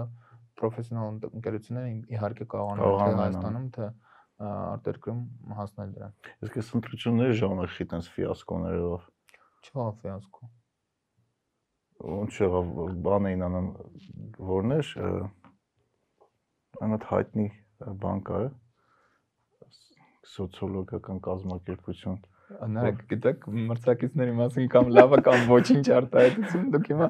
մրցակիցներից մեկի մասին եք խոսում։ Այնուամենայնիվ, ես կարծում եմ, որ ոլորտում Գոլապ, գոլապ, գոլապ էր, գալապ, գելապ, գելապ։ Ես կարծում եմ, որ ոլորտում կան շատ լավ ու պրոֆեսիոնալ խաղացողներ, եւ եթե քաղաքագործիչները ավելի շատ լսեին պրոֆեսիոնալ խաղացողներին, միգուցե այտենց զարմացած չէին լինի ստացված արդյունքներից։ Թույլ տվեք սրանով ավարտեմ մեկնաբանությունները։ Լավ։ Իսկ մասնագիտության ապագան որտեղ է։ Ուր է գնում դեպի։ Սոցիոլոգիա։ Հա, սոցիոլոգիան։ Դե դա միայն սոցիոլոգիայի ապագան չի, ինձ թվում է հասարակական ոչ միայն հասարակական գիտությունները, բայց մասնավորապես հասարակական գիտությունները գնում են դեպի միջ միջ դիսցիպլինարություն։ Այսինքն բավարար չի։ Ես հիշում եմ, գիտեք, երբ որ փիլիսոփայություն ենք ուսումնասիրում, ինչ որ ասենք Պասկալը ֆիզիկ էր, քիմիկ էր, կենսաբան էր, փիլիսոփա էր, մաթեմատիկոս էր, նկարիչ էր, չէ, Լեոնարդո դա Լեոնարդո դա Վինչին, Նյուտոնը, բոլորը։ Ու սենց մենք կարդում ենք, մտածում ենք, ոնց է սենց նայում ենք 6 տարի, սովորում ենք մի մասն է։ Հիմա փոխվում է այլ, ինձ թվում է դա գնում դեպի դրան, երբ որ այդ կոմպլեմենտար միջդիսցիպլինար մասնագետները շատ ավելի կարեկ պահանջարկ պահանջարկները ավելի մեծ մարդը, որը կարողանում է գեներալիստներ ձեր դեպքում, հա, պրոդյուսեր, օպերատոր, ռեժիսոր, սցենարիստ, կոպիրայթեր եւ այլն, все в одном, քան թե 5 հատ տարբեր մասնագետ հավաքվեն իրար գլուխ դրանա գնում վերջի վերջո TikTok-ը չէ միջի միջակագրական TikTok ռոլիկը որը նկարում է ինչ որ մի Generation Z-ի հա։ ներկայացուցիչ եւ օպերատորը պրոդյուսերը եւ պրոմոտերը եւ search engine optimizer-ը եւ այլն եւ այլն մի հոգով անում հա իրական լիքը creator-ներ կան որ մի հոգով իրանք ճիշտ եք ասում համ վիդեոն են նկարում համ մոնտաժն են անում համ այդ ասում մեզ մի հատ գովազդա պետք 500 հոգի մասնագետ ցուցակ են տալիս միլիոնավոր բյուջեներ։ հա Մի հատ TikToker դա մինչ անում է իր հերախոսով։ հա բայց դե տարբեր որակների մասին է խոսքը բայց բայց մի ասեք։ Ուզում եմ ասեմ վերջ վերջի ամեն չափում արդյունքով, որովհետև եթե այդ մարդու դու կարող ես միլիոններ ծախսել ստանալ։ Իհարկե կարող է ժամանակի, բայց իմ ասածս հետեւյալն է, որ մարդիկ, որոնք բազմա պրոֆիլ են ու բազմա ֆունկցիոնալ են մասնագիտական առումով, դրանց իրենց պահանջարկը մեծանում է գնալու։ Մեծանում, հա, մի հատ շատ լավ գիրք կա, կոչվում է Range։ Հենց դրա մասին է խոսում այդ գրքի մեջ, որ քանի որ ինֆորմացիան արդեն լրիվությամբ հասանելի է, դու կարաս մտնես, տեսնես, չգիտեմ, Գերմանիայի ինչ որ շատ նիշային լաբորատորիա բիոթեքում կամ կենսաբանությունում ինչ ռիսերչ արել ու աշխարհում լրիվ ուրիշ լաբորատորիա ինչ արել ու դու արդեն կարաս այդ ինֆորմացիան իրար հետ համադրես։ Առաջ այդ ինֆորմացիան դու հասանելիություն կունենար, եթե ինչ որ top համալսարանում սովորեր, ոնց որ նշեցիր խոսակցության սկզբին, ու հիմա այդ ինֆորմացիաները ճիշտ համադրելը իրար հետ շատ ավելի կարևոր է, քան այդ ինֆորմացիա ստանալը որովհետեւ ինֆորմացիայի աղբյուրները շատ են եւ ֆիլտրելը այդ ու ֆիլտրելը, հա։ Այդ կներես ու նաև fake-ը իրականից տարբերելը։ Այո։ Ցավոք մեր հետազոտություններն էլ են դա ցույց տալիս, վերադառնանք ձեր սկզբնական հարցին, որոնք են ամենազարմանալի արդյունքները, fake news-երի տարածվածություն ոչ միայն մեր հասարակությունում, բայց նաև մեր հասարակությունում եւ ոչ միայն քաղաքական բնույթի ընդհանրապես ցանկացած տիպ այդ թվում եւ գիտական։ Գիտեք երևի դա արդեն դարել է ծաղրանքի թեմա, բայց կան մարդիկ, որոնք խորապես համոզված են, որ աշխարհը տափակ է flat earthers են կոչվում։ Իրանք Facebook-ում իրանք 900-ից ավելի edge ունեն, իրանք կոնֆերանսներ կազմակերպում։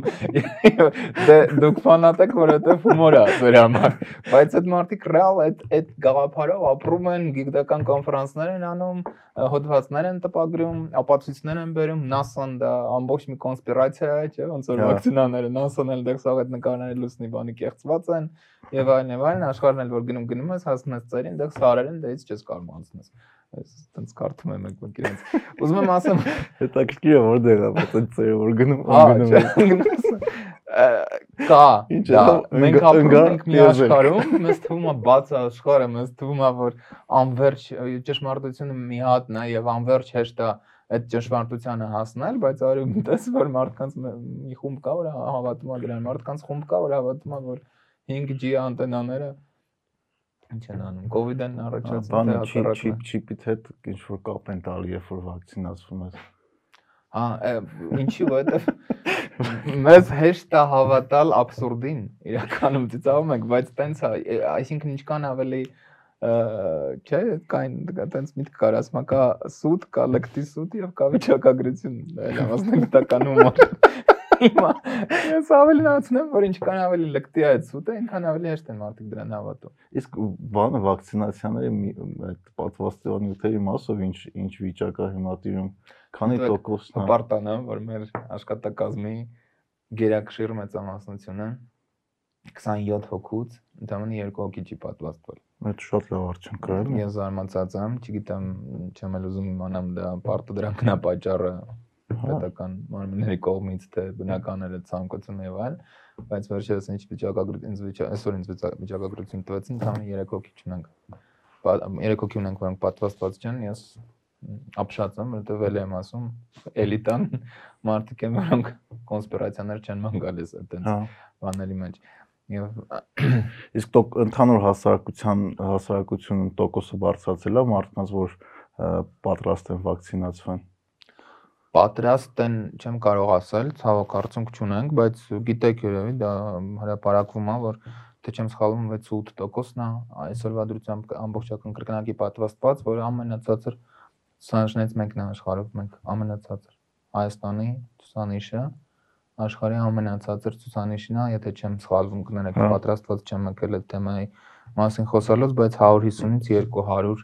երրորդ տեղերն է Հայաստանը 200 երկրի մեջ 150-ից 200-ի արանքում է աֆրիկյան ինչ որ երկրների Աֆղանստանի եւ եւ Չադի հետ պատվաստման ցուցանիշով։ Գերմանիայում 79%, Իսրայելում 80%-ն անցել են, Շվեդիայում 68, իսկ Հայաստանում 68։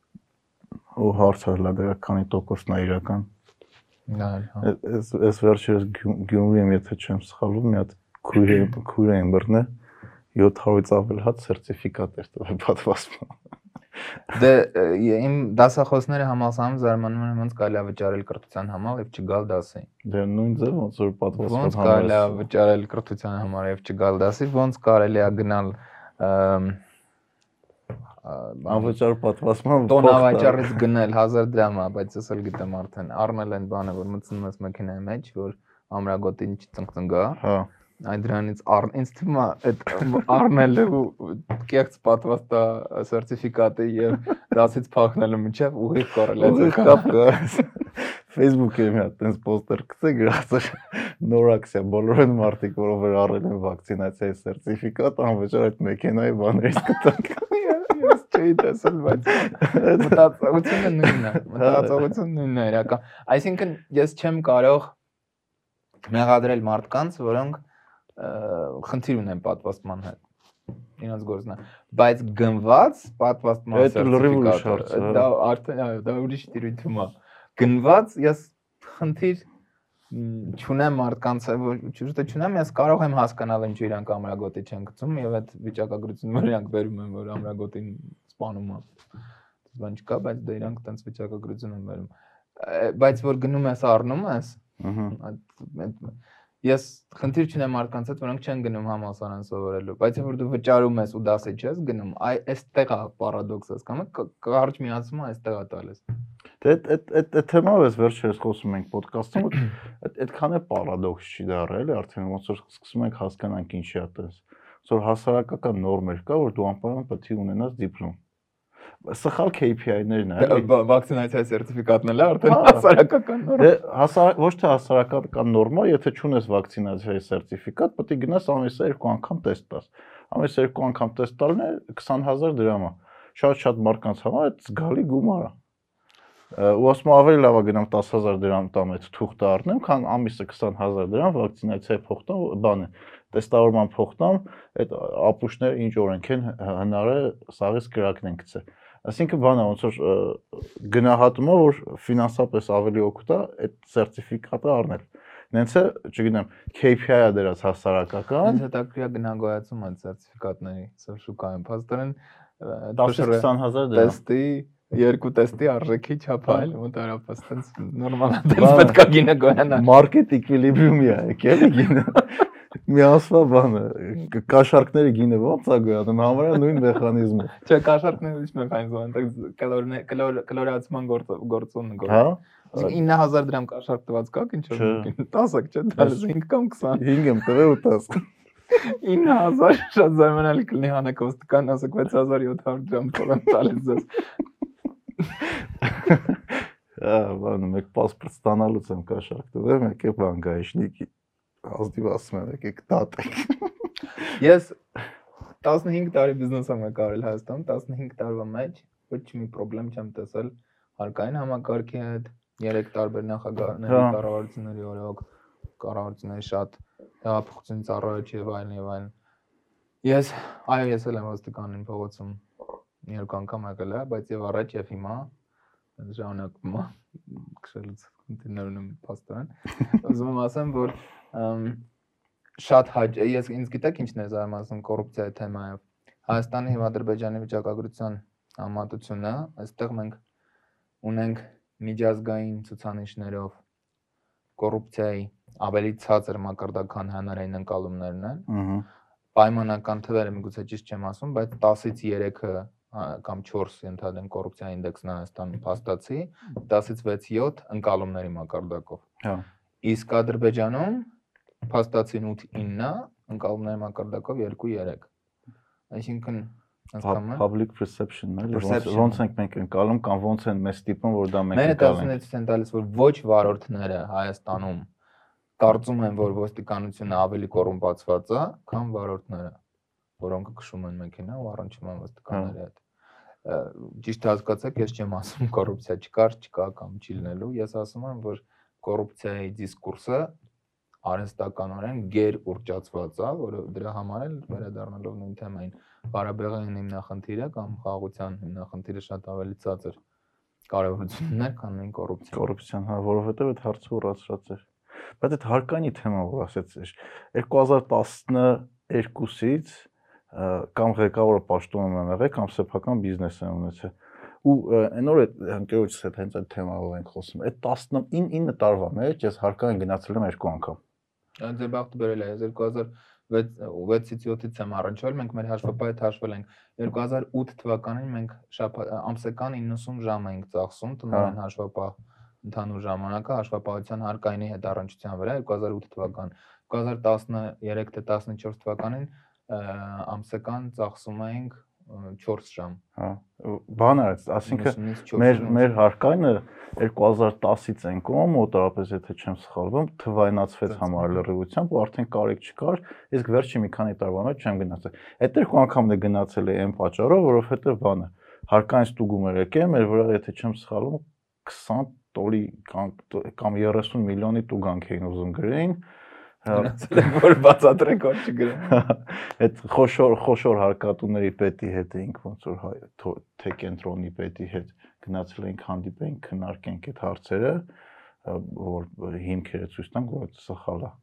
Ընդ մի կտորով ակտ գրեցին 4 միլիոնի չափով դատարան տվեցինք, դատը հաղթեցինք, որը իմ համար շատ զարմանալի էր, որովհետև հենց տենց ուղիղ դատական մակարդակում չի անշվա հարկայինի հետ, ու որ մենք հա- դատում գրեցինք այդ 4 միլիոնը ոնց որ տուգանքը չտվեցինք, շատ հետաքրքիր փորձ էր։ Ու ու տես խորացանք, որ իրականում Հայաստանում համակարգեր կան, որի մասին մենք չենք խոսում, որ իրոք ված չեն աշխատում, շատ լուրջ ասեն զարգացած երկրներ կան, որ տենց համակարգեր չունեն, ոնց որ, չգիտեմ, արկա համակարգն է, ակրա համակարգն այդ credit scoring-ի Այսօր մեր ընկերների հետ խոսում ենք Հայաստան միակ երկիրն է այսօր աշխարհում, որը գյուղատնտեսության տենց սուբսիդավորում է տալիս, ոնց որ Հայաստանում ներկայումս կա։ Ավելին ասեմ, մենք ընկերներով վերջերս ֆիրմա են գրանցել, ընկերներս ինձ ասում են պետք չի պետք ռեգիստր գնալ, on-line կարող ենք ասում դուք ես հիշում եմ այն փորձառությունները, որ ես 2006-7-ին ֆիրմա են գրանցում, Ահա 21 օր տևեց այդ կանոնադրությունը հաստաբանը, հավորպիսի Հա։ հաստատան, վերջում հետո արկեցին ինչ որ տարասխալ էր, թե ինչ որ տենց փոքր բաներ, եւս 21 օր տևեց։ Դրանից հետո այդ հարկային այդ հաշիվ բացելը, կնիքը բանկում այդ հաշիվը գնալ հարկայինում հաստատել եւ այլն եւ այլն,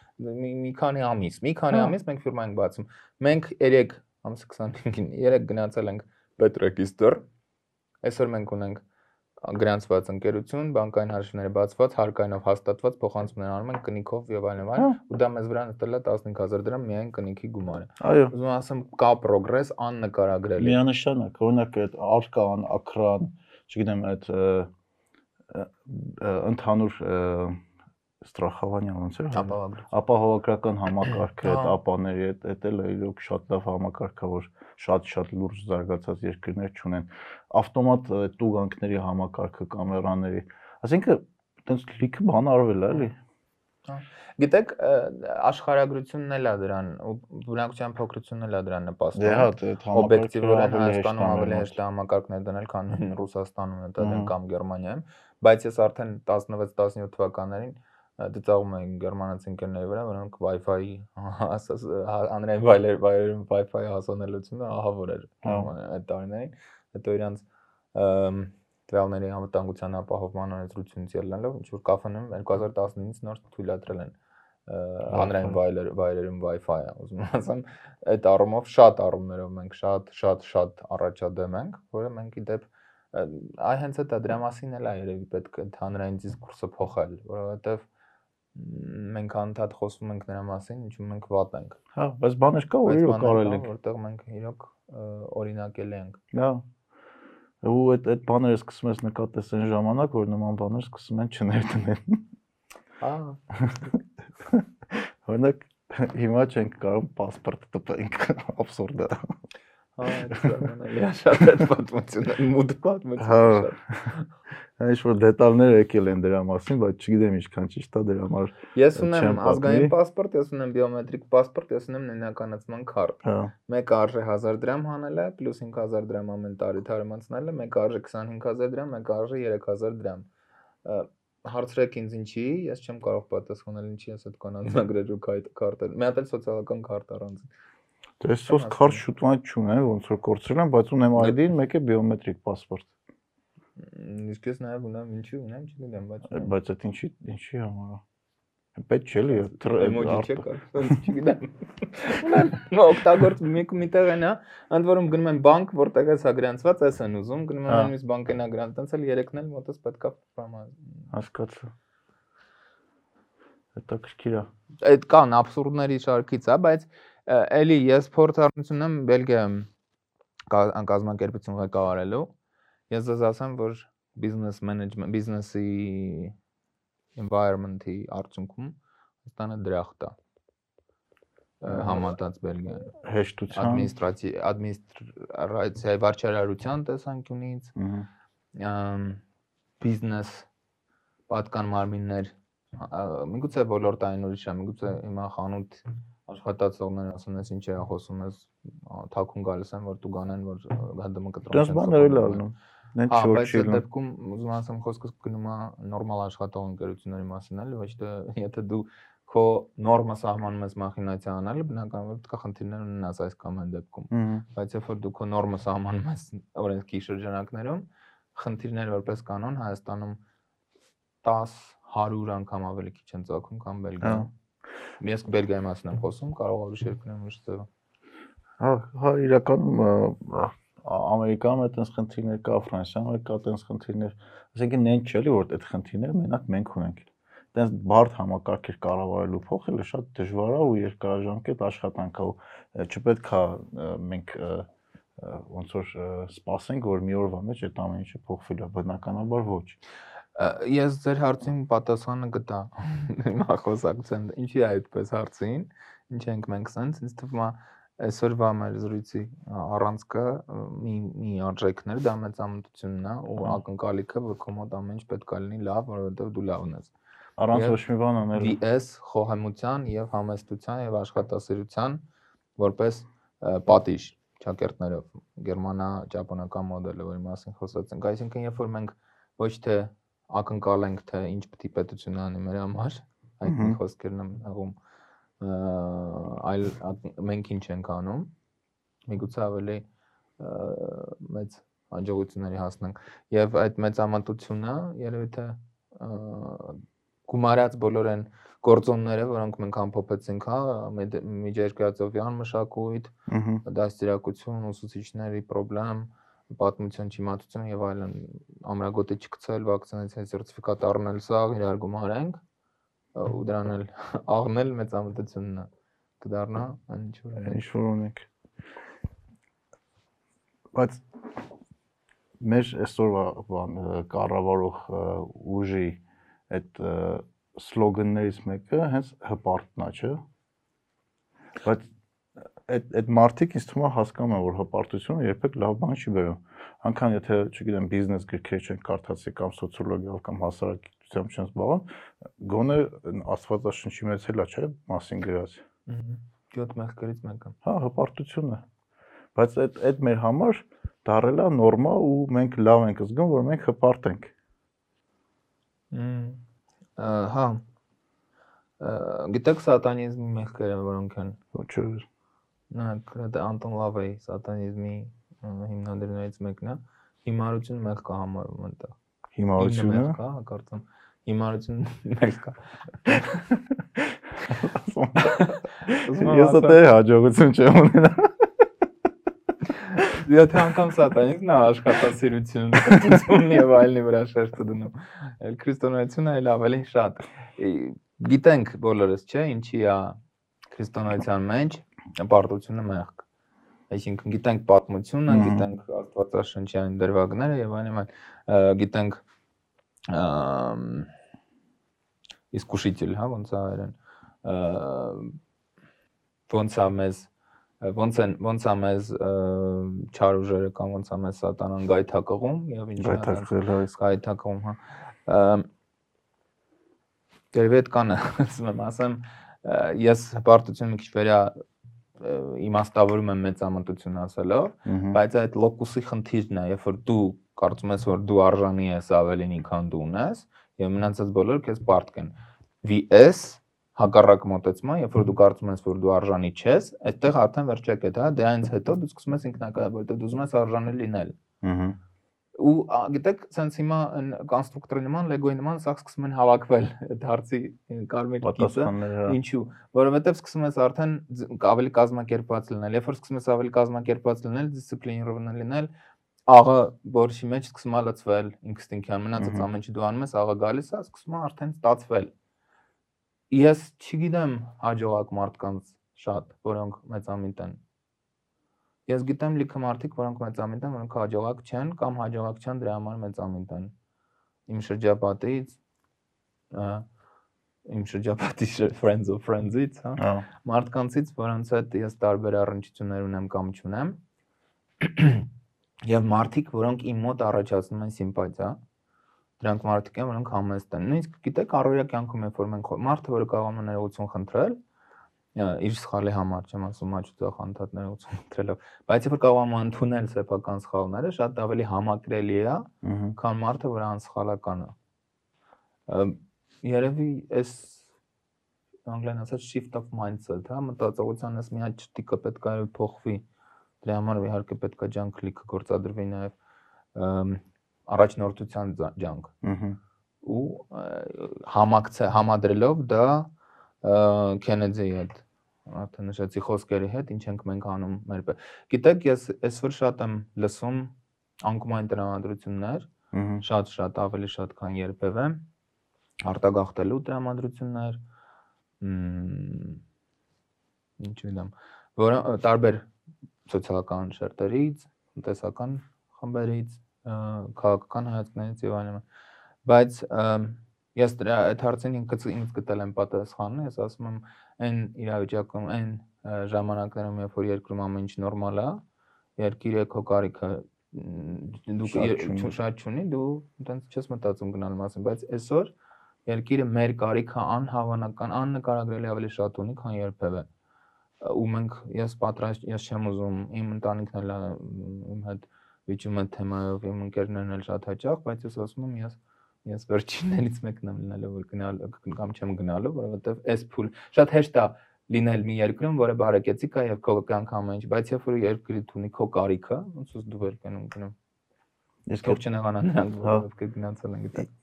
Իսկ այդ մտածելակերպին ո՞նց եկաք։ Դե էլ եմ ասում, պատերազմից հետո պետքա վերահարժեքավորում Մինչև պատերազմը ես այնց չեմ մտածել եւ շատ լավ է այնց չեմ մտածել։ Հա։ Դու ես մտածում էի իմ ինչպես շատ մարդիկ իմ անձնական բարեկեցությունը, եւ իմ ընտանիքի բարեկեցությունը եւ եղել է շատ ավելի կարեւոր, քան իմ երկրինը։ Դա նորմալ է, կարծում եմ բոլորն էլ այդպես են, բայց եթե ես չփոխվեի ու հիմա էլ տենց մտածեի, շատ մարդիկ տենց էլ մտածում են, բայց ելի եմ ասում, կյանքում եղել է disruptive փոփոխություն, պատերազմ։ Իմ կյանքը այլևս նույնը չի, ինչպես առաջ եւ հավանաբար եւ վստահաբար իմ մտածողությունն էլ նույնը չպետք է լինի, ինչպես ինչպեսին միջև պատերազմը։